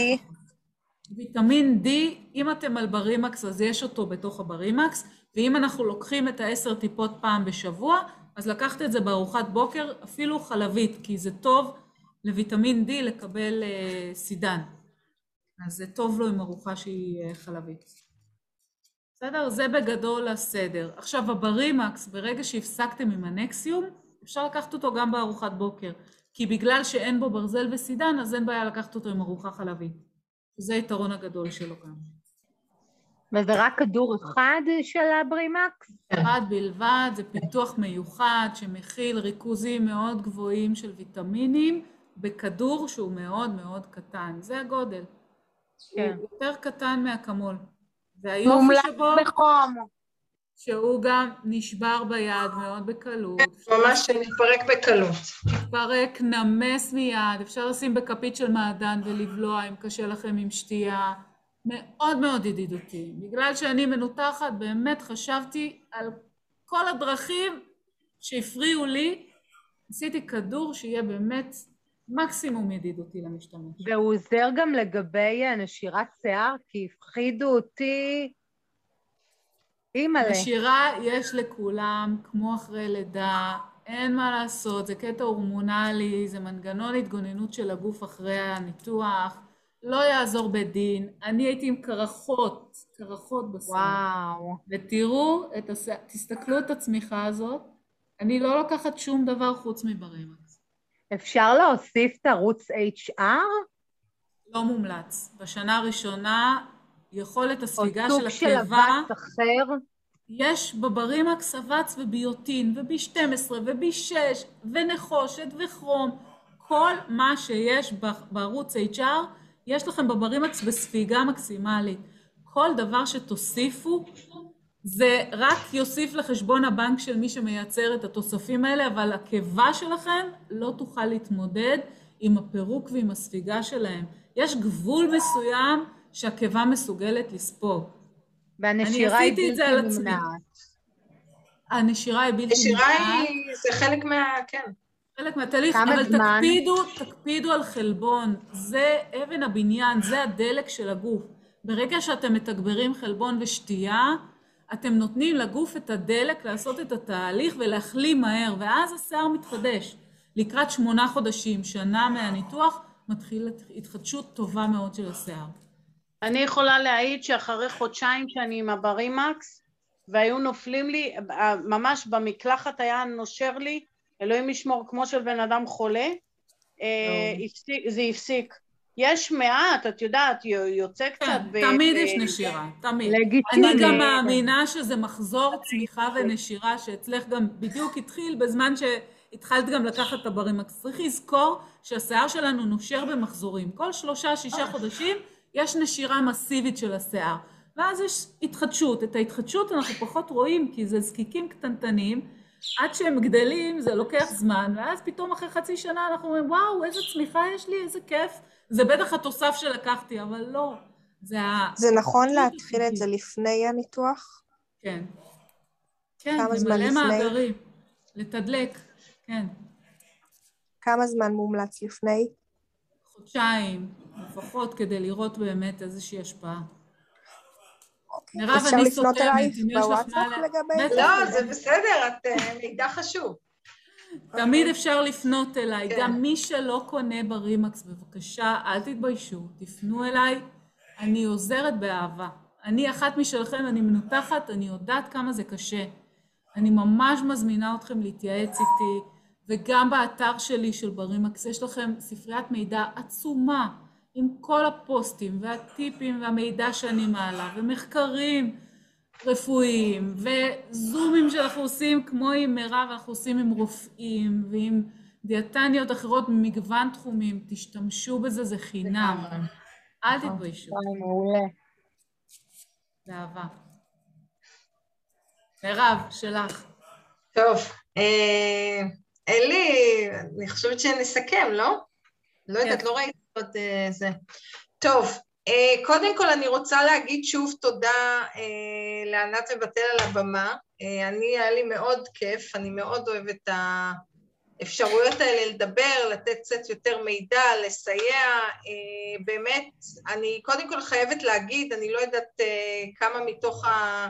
כולכם נמצאים בקבוצות של הוואטסאפ, אני באמת אשמח לסייע אם מישהו רוצה להתייעץ, יש לא מעט כבר מטופלים שפנו אליי, שאלות, גם לפני ועדה, גם התייעצות כל מיני מקרים. אני ממש אשמח לעזור, לכוון, אם מישהו צריך ככה, יש לו דברים שהוא רוצה להתייעץ או לכוון לדיאטנית, בשמחה, באמת, אתם מוזמנים לפנות. אה, כל מה שאני יכולה לסייע, אני אשמח. אה, מירב, תכתבי אחר כך גם את הטלפון או את אמצעי התקשורת אלייך. בסדר, אני גם בקבוצות, אז זה בסדר, הם יכולים להתקשר... כן, אבל יש פה, יש פה עוד אנשים שהם לא רק בקבוצות הוואטסאפ, אלא גם. בדפי הפייסבוק שלנו, אז... אה, אני רושמת. כדי שיהיה לך באמת אה, ככה חשיפה אוקיי. גם אליהם, זה נחמד מאוד. רשמתי. אז uh, תודה לכולם, המון בהצלחה למי שגם עוד בתחילת התהליך ולמי שאחרי, ובאמת תעשו את זה, ת, תנסו ליהנות מהדרך, לעשות את התהליך הזה משמעותי, ובאמת כמה שיותר להיעזר במי שניתן, אני חושבת שזה אחד הדברים הכי חשובים. מירב, אני רוצה להודות לך. תודה רבה, מירב. תודה רבה. היה ממש... אתם רואות, אמרתי לכם שמירב היא דיאטנית נדירה, היא דיאטנית בריאטרית שהיא באמת מקשיבה גם למנותחים. היא לא רק הולכת לפי איזשהו פרוטוקול של הכשרה כזאת או אחרת שהיא קיבלה, היא באמת מקשיבה, היא לומדת, היא מתפתחת עם הקהילה שלנו, היא יודעת את הדברים אה, בהבנה ככה קצת יותר רגשית. וזה מאוד חשוב, וזאת הסיבה שאנחנו עושים את הזומים האלה ומביאים אליכם באמת את הדיאטניות שהן באמת איתנו, שמבינות את הראש שלנו, ולא סתם מדקלמות דברים. נורא חשוב, ומירב, ממש ממש תודה, העשרת אותנו, ונתת לנו כל כך הרבה, אני כל כך מעריכה את הזמן הזה ואת הנכונות שלך להשתתף. בשמחה, היה לי ממש כיף, ואני אשמח אה, להשתתף בעוד מפגשים כאלה. נעשה. טוב, יאללה, ערב טוב לכולם, שנה טובה. תודה רבה, בהצלחה. ביי ביי. טוב לכולם. ההקלטה תעלה לערוץ היוטיוב של בריאמקס, ואפשר יהיה לראות אותה בהמשך, למי שרוצה אחר כך לצפות שוב. טוב, ביי, ערב טוב. ביי ביי. ביי ביי.